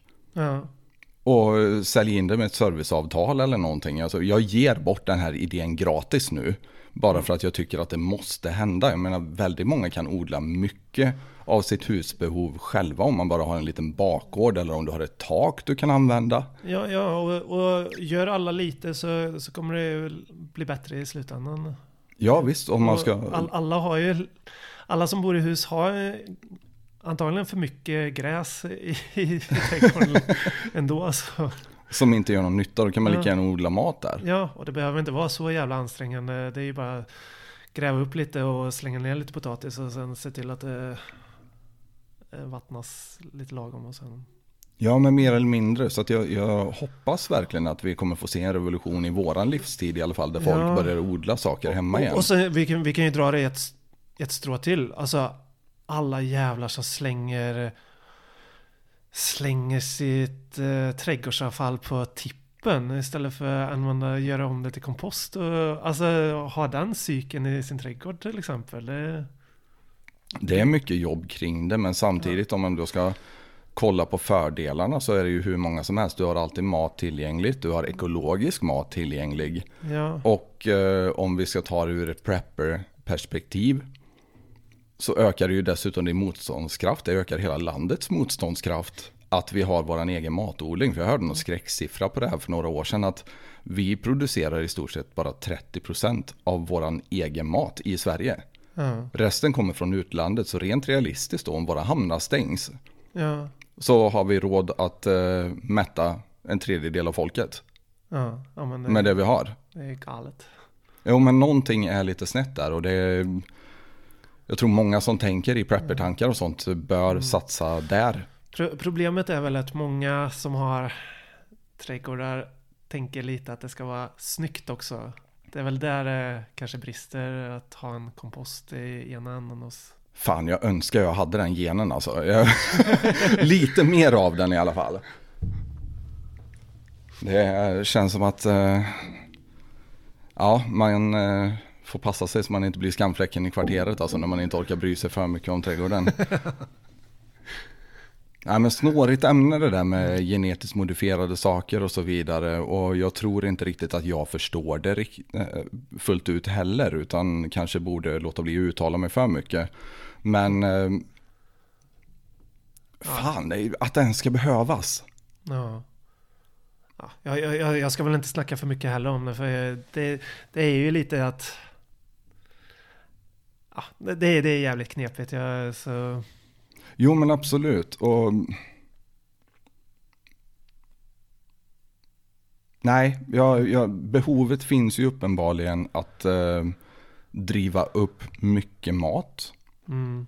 Men jag tror vi behöver se över sättet som vi gör det på. ja, ja, grejen är ju att det blir ju det, så som det görs idag. Det är att det blir fel. Alltså det blir torka, det blir, det blir dåliga jordar i slutändan och vi, vi, vi tänker för kortsiktigt. Det ska produceras så mycket på, på så lite mark som möjligt. Och, och, det, och man specialiserar sig på en gröda. Och där har problemet tror jag. Motargumentet kan väl vara att eh, vi faktiskt har gjort det här under en väldigt lång tid. Där man tar från skörden då så återplanterar du liksom de starkaste plantorna varje år. Mm. Och det är ju också en sorts ge- genmanipulation att man bara väljer de starkaste hela tiden och därigenom driver generna framåt då. Ja, och sen det är ju även, även att man tar fram olika fröer som eh, bara har vissa egenskaper. Alltså att det ska vara mycket volym, kanske mindre näring, alltså kanske ska smaka sutt. Alltså, där har du också ett problem. Absolut. Att det är volym. Idag är det volym som gäller. Det är inte kvalitet som gäller egentligen. Nej, och ja, det blir ju faktiskt en ganska naturlig övergång. Vi har ju sagt att vi ska försöka komma in lite på det här med cancer också. Det är ju Det är ju faktiskt en relativt naturlig övergång för att ganska ofta när man pratar om de här GMO-grödorna och så vidare så är ju rädslan att vissa saker är karcinogena helt enkelt. Mm. Ja. Och eh, skadliga på annat sätt. Men just cancer, Cancer ja. Är en jävla skitsjukdom va? verkligen. Och jag tror vi alla känner någon eller några som har gått bort i det. Mm. En del närmare än andra, till exempel du då. Vad, hur är din historia där kring? Jo men eh, jag tror att det var i 2014 tror jag. Eh, och upptäckte eh, eh, min farsa hade fått en tumör i magen. eh, som satt lite dumt till. Eh, och eh, det de gjorde då var att operera i en stomipåse och ta bort en bit av tarmen. Men eh, det fanns fortfarande kvar en, eh, en tumörbit då som satt, eh, vad ska man säga, med magsäcken. Och det, och det vi fick veta i alla fall var att han inte var, vad heter den, den, den var inte elakartad var han inte. Okej. men, men det var en tumör. Som, alltså att han inte sprider sig. Utan, men han var på det stället i alla fall. Och eh, som sagt, han satt i, i magsäcken. Eh, satt ihop med tarmarna. Men hon fick bort tarmarna där i alla fall. Men sen... Så han hade egentligen en operation kvar att göra och ta bort hela... Eh, hela tumören. Men... Eh, och det dröjde kanske ett år. Eh, för han gick lite på cellgifter och eh, strålades och sånt. För att få ner den i volym då. Eh, men sen när, eh, när de opererade han eller skulle, hade öppnat upp han så insåg de att det inte gick att ta bort den. För att han satt så taskigt till i både ja, men, buk, bukvägg och urinblåsa och magsäck. Så det de behövde göra då var ju att sy ihop han för att de ansåg att han inte hade överlevt eh, det och ta bort han.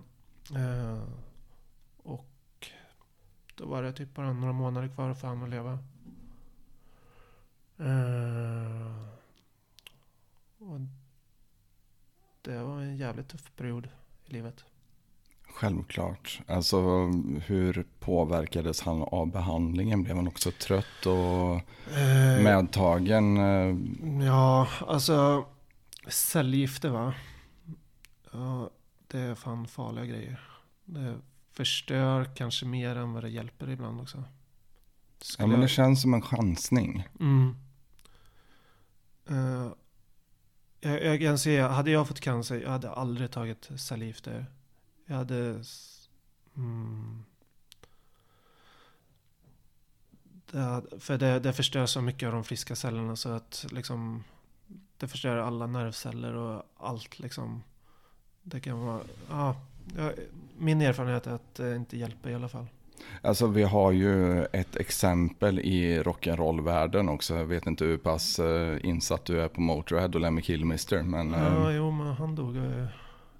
Han, de upptäckte ju att han hade mm, avancerad cancer i alla fall. Att det var väldigt långt framskridet och frågade honom ifall han skulle göra någon behandling. Och hans svar var väl mer eller mindre, ah, fuck it, I've had a good run. Ja. Men, det, det är klart, det är en annan situation också. Din pappa var ju inte så gammal. Nej, vad var han? 60 var han. Så det... Ja.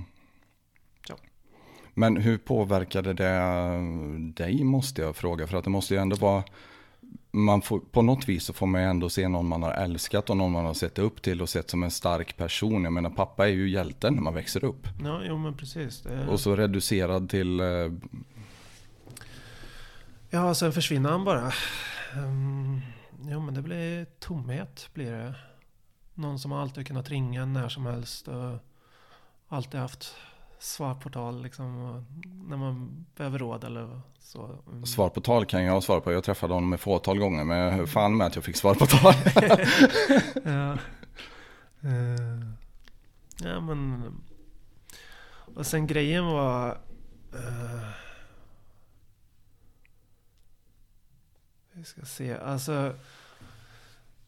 Just under perioden när, när det var som kämpigast. När han höll på att gå bort. Liksom, eh, man, han blev ju svagare för varje dag som gick.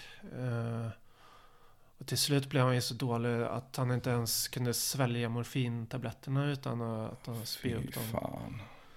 Eh, och han gick ner.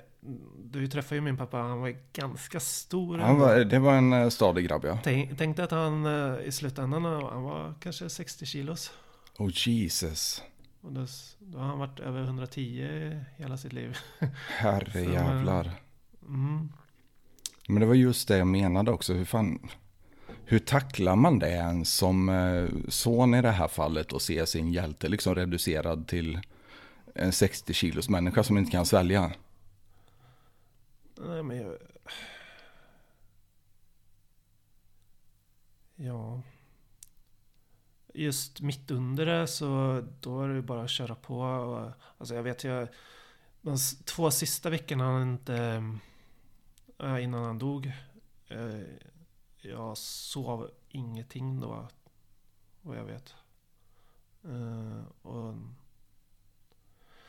jag vet många gånger, alltså det här låter jävligt hemskt. Men alltså jag, jag låg bredvid på en soffa när han sov på natten och sen när, och sen försökte han liksom väcka mig ibland och, och säga att han behövde flyttas lite på och eh, och det var många nätter så jag tänkte fan, ska jag inte ta en kudde och bara avsluta det här för han? Eh, Jag förstår hur det kan låta hemskt. Men ehm, fan, jag blir lite tårögd här. Alltså, Ehm, jag har tänkt samma tanke med människor som plågas. Att fan, kan vi inte bara avsluta det? Vi hade också en diskussion med Johan som var här igår.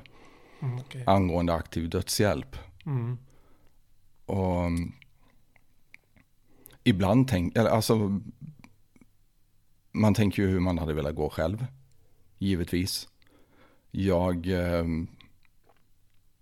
hoppas ju i alla fall att jag inte går på något liknande sätt. Och jag vet inte fan om jag överhuvudtaget har det i mig att gå med på det. Utan eh, man känner ju ändå någonstans att man skulle vilja gå ut på sina egna villkor. Mm. Och med bilden av sig själv bevarad kanske. Så jag förstår, jag förstår verkligen tanken. Och jag, om jag tolkade din farsa rätt så kan jag inte tänka mig att eh, tanken aldrig slog honom heller. Det måste ju finnas en längtan där att komma ut från det tänker jag. Grejerna, han, had, han trodde ju alltid att han skulle bli bra. Eh, han... Det var väl efter sista operationen där så att då tappade han väl lite livslust där. Men han hade ju alltid... Han, problemet är att han litade lite för mycket på sjukvården där tror jag att... Men jag vet inte, det är så jävla svårt. Men sen spelar det väl ingen roll heller. Nej. Om det är din tur så är det din tur. Mm. Ja. Men, eh, ja. Nej, en väldigt vis eh, vän till mig som är jugge för övrigt. Alltså shoutout till juggar. Alla juggar där ute. Ni är fan med Europas krydda och jag älskar er.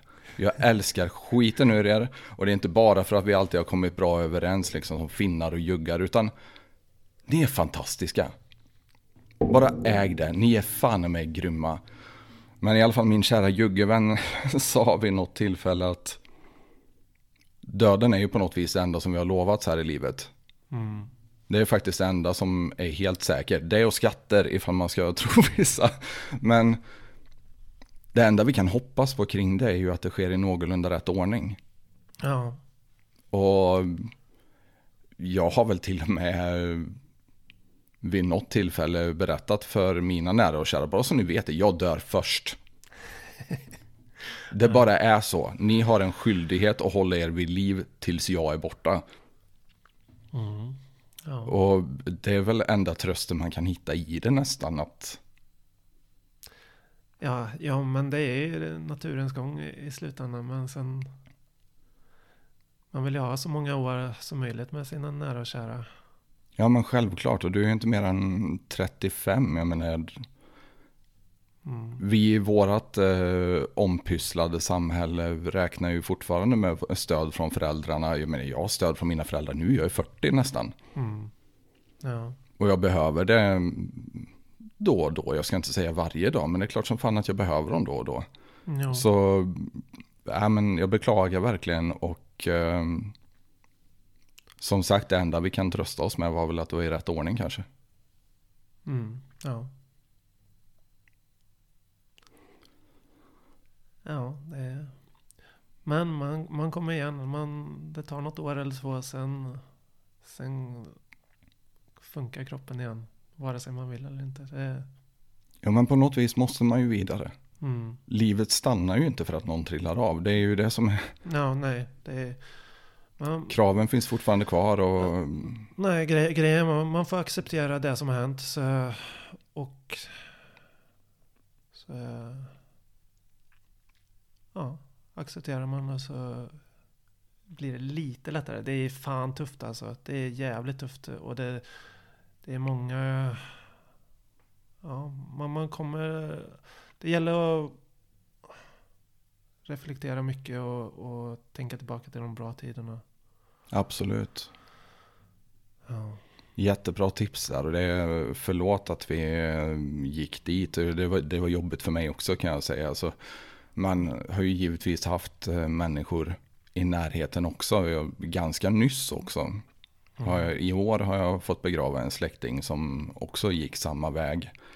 Men eh, för min del i det fallet så var det väldigt lätt att fokusera på hur hon valde att leva sitt liv som hon hade kvar. För att det var inte, jag tror eh, någonstans i början av diagnosen så sa de mer eller mindre att men du, har, du har veckor. Mm. Alltså det var så lång prognosen var och hon kämpade väl på i två år efter det och vägrade sakta ner dessutom. Åkte på semestrar med familjen och åkte och träffade barnbarnen hela tiden.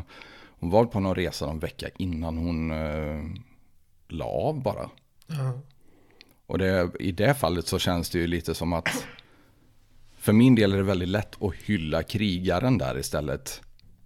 För att fokusera på sättet det slutade på. Mm. Så det är väl så jag har valt att tackla det. Och, mm, som sagt, i det fallet var det ju enkelt också. Men det är ju det är en jävla sjukdom. ja, det är det. Men TKO Group Holdings, Mm. på tal om att eh, lappkasta som vi gjorde igår. Johan ganska bra. Han gillar inte riktigt att hänga med i mina svängar. Men det är alltså, vi har det ju faktiskt på papper nu också. Jag har en bokstavskombination som ursäktar de här. Så att lev med det. God damn it. TKO Group Holdings, du är rätt taggad på det här va? Ja, men eh, jag tycker det är intressant. Eh, ska vi dra vad det är för något? Absolut. Kör hårt. Ehm, nej men det är ju UFCs moderbolag och, eh, och eh, om vi kommer tillbaka till wrestlingen igen, det WWE eh, bolag som har gått samman kan man säga. De har köpt upp varandra. Du hoppade och fnissade lite när du fick höra det här, eller hur? Jag, jag tyckte, jag, full, jag, full, jag, jag fnissade inte men jag följde det bra. Ooh! Ja, men det, jag kan tycka att det är intressant att spåna vad de ska hitta på med det här. För det är ändå två stora, um, stora underhållningsgiganter som eh, kan eh, hamna i någon god symbios där. Ja, jag tänker ju det också för att när jag började researcha för det här, jag, jag hade faktiskt inte ens en aning om vad TKO Group Holdings var när du skickade det till mig. Så att jag gjorde lite research här, vad fan ska vi ha? WWE, UFC och Power Slap och allt möjligt under samma tak. Alltså det öppnar upp för ganska häftiga cross promotions ändå. Ja, Ja, ja men precis. Det, och, och grejen är, de borde ju hitta på något så att de blandar eh, Ja men ta bara, men, säg en fotbollsmatch mellan eh, några wrestlers och några Uf- UFC-fighters liksom. Hur, Ja, kul, hur kul hade inte det varit att se? Över en bassäng med, med hajar med laser på huvudet. Ja, Det hade varit så fett. ja jo, men det går nog att hitta på en hel del med det. Sen tror jag inte mycket på att man, alltså att eh, vi har ju sett det förut att UFC-fighters hamnar i, i wrestling-sammanhang och, och tvärtom. Jag tycker, alltså vi kan ju ta Ronda Rousey och... Så han- Valerie Loreda. Här sist kanske. Lola Vice. Mm. Men nu var inte det UFC utan hon var väl i någon annan mindre organisation för mig. Men skitsamma. Ja, men det, det, det har ju varit mycket sånt i alla fall. Och även uh, Brock Lesnar har varit i en sväng i UFC och CM Punk. CM Punk. eh, Den ena lite mer bejublad än den andra. ja, CM Punk hade väl inte så mycket att hämta hem i UFC där. Men ändå strångt honom att s- hitta dit. Och, Ja men jag, jag måste beundra insatsen måste jag göra. Men det, han Ja. hade ju inte samma pedigree som Brock med ett Mm. perfekt record på 214-0 i, i riktig brottning innan nej, liksom. nej, nej, precis. Nej. nej Men vi har ju många intressanta exempel från eh, våra kära grannar i öst på hur sådana här cross-promotion-idéer kan se ut. Alltså tänker vi team MMA mot varandra eller team wrestling eller hinderbane-MMA eller vi har ju fan BJJ i bilar numera. ja, just det. Det har jag sett också. Och du, jag måste fråga dig det här. Hur jävla fett vore det inte att se Ili Latifi i telefonkiosk-fighting? Ja, jo. Det, det hade varit mäktigt. Han hade ju varit kungen över världen tänker jag när de inte kan springa från honom. Ja. Ja, precis. Det är jävla kylskåpet att stå... Den har nog smält på bra. Eh, Nej men hur fan eh, tänker vi att en sån här cross promotion hade kunnat se ut? Alltså du pratar om fotbollsmatcher mot varandra och så vidare. Mm. Nej men... eh, Ta, eh, alltså, alltså bara några crossfit games hade ju varit intressant. Ja jävlar, så långt hade inte jag tänkt. Mäta atleter mot varandra bara helt objektivt. Ja. Det hade nog... Och sen... eh, och sen wrestlers, de är, de är jävligt eh, karismatiska på er. Alltså, nu, nu är... Absolut. Alltså, nu är Tito, han, han är egentligen UFC-fighter, men han har ju varit över och wrestlats lite också. Och det är nog fan den mest karismatiska personen jag någonsin har träffat eh, och pratat med. tror Jag kontrar med Shale Sonnen då. Mm. Det är mycket möjligt. Men, men just den, alltså den auran de får när de är lite kändare och eh, ja men, eller så kanske det var jag som var lite, mm, vad, vad heter det när man är kändiskåt? Typ. Du fanboyar hårt helt enkelt. Ja. Ja. Nej men, ehm, jag, jag tänker i alla fall, eh, de, de kan nog hitta på bra underhållning i i slutändan. Jo men det är precis som du säger alltså. eh, WWE är ju världsnivå underhållare och har ju varit i den här branschen väldigt länge. Nu var det ju jävligt, eh, det, det är inte så vanligt inom MMA att man har den här, show, den här showmanshipen som man har till exempel i wrestling. Det är väl ett fåtal, jag kan tänka mig Chael Sonnen som sagt. Eh, Conor McGregor hade lite samma stick. ja. Jag vet inte om vi kommer på några fler exempel som börjar närma sig, men eh, wrestlingen är ju på en eh, helt egen nivå där. Mm. Så lite mer karisma i MMA kanske. eh, Kanske skulle kunna spridas till. Ja. Ja, nej, ja. Absolut. eh. Jävligt intressant framtid i alla fall. Alltså någon, eh, någon promotion där eh, vi kan ställa John Cena mot eh, eh, Francis Ngannou är inte med men det hade varit fett att se dem göra en slapfight till exempel. Ja, men precis. Hitta på något sånt där. Alltså, Nu är inte jag världens största fan av power slap men alltså Nej, jag in- ser ju inte jag ändå... heller. det, det, jag, jag tycker att det är lite, lite, lite för extremt åt ett håll för mig. Jag, Jo, men- jag går inte igång på det riktigt faktiskt. Eh, Ja, men jag håller med lite, det känns som att man bara samlar hjärnskador. Ja, Och jag, jag ser inte, va, va, vart ska man utveckla sig? Det, nej, nej, jag förstår tanken. Då har jag ändå haft någon idé förr i tiden, liksom om hur man gör eh, sporter mer tittarvänliga och sånt. Och då tänkte jag, fan, schack hade ju varit hur fett som helst. Om man gör ett drag och sen ställer du upp och nitar motståndaren. Ja. Så du får ett drag och en smäll till exempel. Men fan, när man börjar tänka på det, alltså det, är, det är ju inget bra underlag för att eh, få atleter att hålla länge. Nej. De har väl gjort något sånt där med armbrytning och sen fighting samtidigt. Så Just sätter det. upp varsin arm och sen är det bara att börja dunka på varandra. God damn Russians alltså. Jävla ryssar, det är lite som eh, vissa andra podcaster säger att det fan är vanliga vita människor. där. ja men det är ju en intressant framtid det är klart. Och eh, jag tänker ju på när vi skickade över, eller när UFC skickade över Chuck Liddell till Pride till exempel och gjorde cross promotion på det sättet. Alltså Mm. någonting intressant borde de ju kunna hitta på. Ja men man ser ju mycket sånt nu när, alltså, MMA-fighters går lite boxningsmatcher och sånt. Alltså det blir ju, det blir ju något nytt. För man, man, jag börjar bli lite mättad på vanliga fighter i alla fall. Ja, men jag håller med lite. Alltså det, det, Det- finns ett sånt urval numera. Det var ju inte problemet förut. Nej. Nej, så det är... Jag ska inte säga att det är roligare, men det är kul med lite annorlunda fighter ibland. Även fast det brukar sluta ganska dåligt. Ja, men det slutar ju i någon jävla Eh, freakshow någonstans. Ja, och, hy- hypen är roligare än eh, själva matchen. ja, absolut. Vart ställer du dig i frågan kring... Det här är ju jättekontroversiellt givetvis, men dopade fighters. Alltså, jag vet, Ja, du ja. och jag har väl eh, båda två nördat ner oss i någon kärlekshistoria med både Uberim och eh, TRT Vitor och vad de lyckades åstadkomma. Men Alltså, jag, jag. Eh, där är jag... Alltså, jag, jag, är, jag är emot all doping faktiskt. Allt som kan förstöra hälsan på sikt. Eh, även ifall det är underhållning. Alltså, att- möjligt att det höjer underhållningsvärdet. Men jag tycker inte att... Det är inte fair att...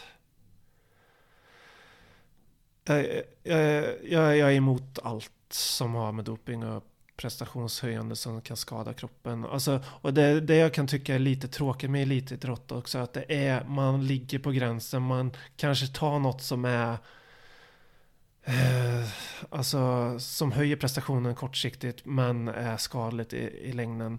Jag tycker inte att det är kul egentligen. Det kanske är därför jag är amatörfighter. Nej men alltså det är en ganska intressant diskussion för jag hade den här med Daniel Johansson också som eh, du också känner lite. Mm. Um, I och med att han har tävlat mycket i strongman och bodybuilding och sånt och framförallt bodybuilding är ju väldigt intimt förknippat med just eh, steroider. Mm. Eh, cykling och skidåkning är väl eh, ungefär lika förknippat med EPO. Och bloddoping och sådana här grejer, tyvärr Ja. får vi väl säga. Men samtidigt så förs ju argumentet ofta att men om alla gör det. Mm. Jo men Om det är ett jämnt spelfält då, liksom då, som då är vi Pride. där, då ska inte reglerna finnas att det ska, alltså om det finns regler att du inte får dopa dig eh, Då ska det ju vara lika villkor för alla Tycker jag, annars fuskar du Jo Så- men jag vet som i Pride till exempel, alltså, man har ju hört lite skräckhistorier från Enson Inoue, man har hört det från Eddie Bravo också. ehm, när de har varit eh, på kontraktssignings och sånt så får du liksom ett A4 med vi testar inte för de här substanserna. Ja. Och det är ju liksom räknar upp varenda steroid som finns. Det var till och med någon som eh, skulle, eventuellt skulle börja i Pride och de frågade men vilken viktklass ska du köra? Men vad fan jag kör lättvikt, jag väger 65 kilo liksom. Och fick det svar, nej nej, du, du tar steroider och så kör du mellanvikt. Du går upp 20 kilo och kör mellanvikt. Liksom. Ja, ja men jag, jag, jag tycker att det är galet Tyvärr Jo men det är galet också och jag förstår verkligen motargumentet. Alltså, det ena argumentet är ju givetvis då att om alla gör det så är det ju relativt eh, plain... Eh, ja, om, om alla gör det men du tvingar ju även de som inte vill göra det att göra det, för annars har de inget att hämta. Det är ju bara att se, alltså det gör ju en jävla skillnad ifall du tar något som höjer prestationen. Alltså ta, Ja men vi hade ju Killashow var ju ett jättebra exempel. När Ah, TJ ja. Killashow kom tillbaka Ah. som ett jävla monster. ja, eller ta, ta Chasonen när han var uppe för en run för uh, mellan Oh ja, TRT. Vitor som vi pratade om också. Det var en skrämmande jävla person. Alltså Ja. hans tänder hade ju för fan muskler. Ja, ja. Det är... Och det, Ja. alltså, jag, förstår också, jag förstår kontroversen där, för man använder ändå fördelen för att skada en annan människa. Ja. Ja, ja. Sen... Men sen om man då hade en liga där man eh, ja, det- uttalat säger att ni får ta vad fan ni vill. Mm. Så hade det ju varit relativt eh, jämnt ändå. För att jag, jag ser ju inte MMA som jämnt från början. Jag menar, eh, hur fan ska du tävla med John Jones kroppsbyggnad till exempel? Nej. Han har en naturlig fördel i den som nästan är omöjlig att överbrygga. Mm. Och när han dessutom har den talangen, den arbetsmoralen, den, och det huvudet med sig, så blir han ju det monstret han är. Ja. Eh, Men jämför honom med vilken annan fighter som helst som inte har samma reach, som inte har samma fysiska fördelar. Det är ingen jämn match. Nej. Det kunde lika gärna vara någon du möter som går på steroider i det här fallet. Mm. Så jag förstår det argumentet också om man nu ska vrida och vända på det. Men Ja, sen kan vi vända på det också. Om vi drar till eh, med gendoping till exempel. ja jävlar, det måste vara nästa stora grej nu. Ja. Ja, Jag tror Kina har väl säkert eh, ett tusental atleter på gång redan som eh, ser ut som TRT-vitor allihopa och som inte är dopade utan de har modifierat deras gener Ja. helt enkelt. Vad, vad, är, vad är det den gensaxen heter? Clipster eller något sånt där va? CRISPR, CRISPR. tror jag det är. Ja. Just det, så heter det. Ja, gen-editing på hög nivå liksom. Ja men tänk dig det, alltså undrar hur mycket forskning och skit det håller på i, ja men i, Massor, garanterat massor. Jag hörde ju någon historia om, alltså man forskar på artificiella röda blodkroppar. okej. Som man då kan injicera i sitt eget blodomlopp. Mm. Som då skulle göra att du kan hålla andan i två timmar till exempel. Ja, ja det, det börjar... Alltså jag, jag, jag är väldigt skeptisk och eh, jag tror eh, mer på den naturliga vägen och hitta, hitta vägen. Därför tycker jag att det börjar bli lite tråkigt med all... Eller börjar, det har varit tråkigt med elitidrott ganska länge egentligen om man vänder på det till det och kollar så. Jo men jag Alltså, håller med, jag Eller bara gör ta det. sprinters, eh, hur många trycker inte i sig mycket anabola där? Och... Ja men förmodligen eh, alla bara att det inte märks. Nu alltså, skaffar jag mig säkert ovänner men Viktor Conte pratade ju om det i Rogans podcast till exempel. Okej. Om det var OS-finalen eh, damer 800 meter 88 eller vad det var. Ja. Han sa att han var helt övertygad om att alla i den finalen var dopade. För han personligen dopade fem av dem. Men det var inte de som vann. Ja, okej. Så- Ja. Mm. Och jag känner väl lite likadant eh, kring skidåkning.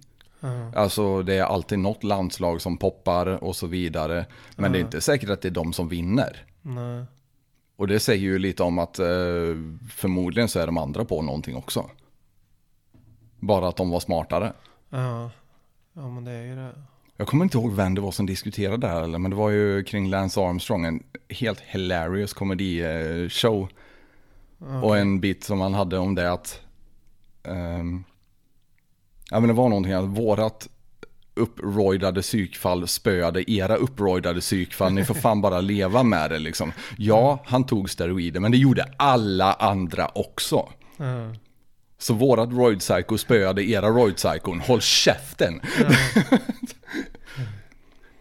Så äh, men synd med mycket elitidrott där som eh, man måste alltid ha ett kritiskt öga känns det som. Mm. Jag menar kolla runt på, jag behöver inte nämna några namn, men det finns väldigt många atleter som tävlar väldigt högt upp i ålder och som fortsätter att leverera som de 20 år yngre förmågorna. Ja. Och visst, en eller två kan man absolut förklara bort med fantastisk genetik. Mm. Men inte på den nivån som det är. Nej. Nej, jag håller med. Jag köper inte riktigt. Nej, Alltså vi, vi har suttit en bra stund här så jag tänker att vi kan försöka runda av lite. Men har du några tips till ungdomar eller äldre som skulle vilja utforska en eh, karriär inom MMA eller göra det du har gjort på något vis? Eh, Jag tror att vara konsekvent och alltså träna på och eh, försök att inte skada dig. Det är väl det som är... Om du håller dig skadefri, alltså ta inte för stora risker och dumma dig. Var inte ett kötthuvud helt enkelt. Ja, nej, precis. Ta, alltså, får, du- får du en smäll i huvudet och du får... Om man säger att det, du har ont i huvudet dagen efter, gå inte och träna då. Ta det lite lugnt. Ta det hellre mer lugnt än, än att kötta på när du håller på att skada dig eller blir sjuk. Så har du mycket vunnet där, tror jag. Ja men det är jättebra tips alltså framförallt eh, det här som vi har kommit på de sista åren. Att vi kanske ska vara lite rädda om våra hjärnor också. Mm. Ja, du har ju bara en hjärna. Ja när den är paj så är den paj. Ja. Och vi vet inte när, eh, man vet inte innan man börjar när det kommer att hända. Utan det vet du när det har hänt. Och då Mm. är det för sent. Ja, och det är samma. Stressa inte med träningen. Om, om, om du fått hårda slag i huvudet, ta det lugnt. Och sen men... eh, Ja. Ät bra, träna bra. Återhämta dig. Mm. Återhämta. Superbra tips och eh, jag måste säga jag älskar den här konversationen. Den var precis allting som jag hoppades på innan vi startade. Och ja, men bara ett jättestort tack för att du kom hit och eh, tack för att du har varit en vän så länge också. Men tack själv. Eh, Hur hittar folk dig ifall de eh, vill kolla in lite mer av dig? eh, Johan Andersson MMA finns jag på ja, Instagram och YouTube och så. Superbt. Mm. Johan, du är en bad motherfucker. Tack så hemskt mycket igen för att du kom hit. Ja, tack, tack. I hear a lot of people saying the blues, the blues. But I'm gonna tell you what the blues is. When you ain't got no money, you got the blues.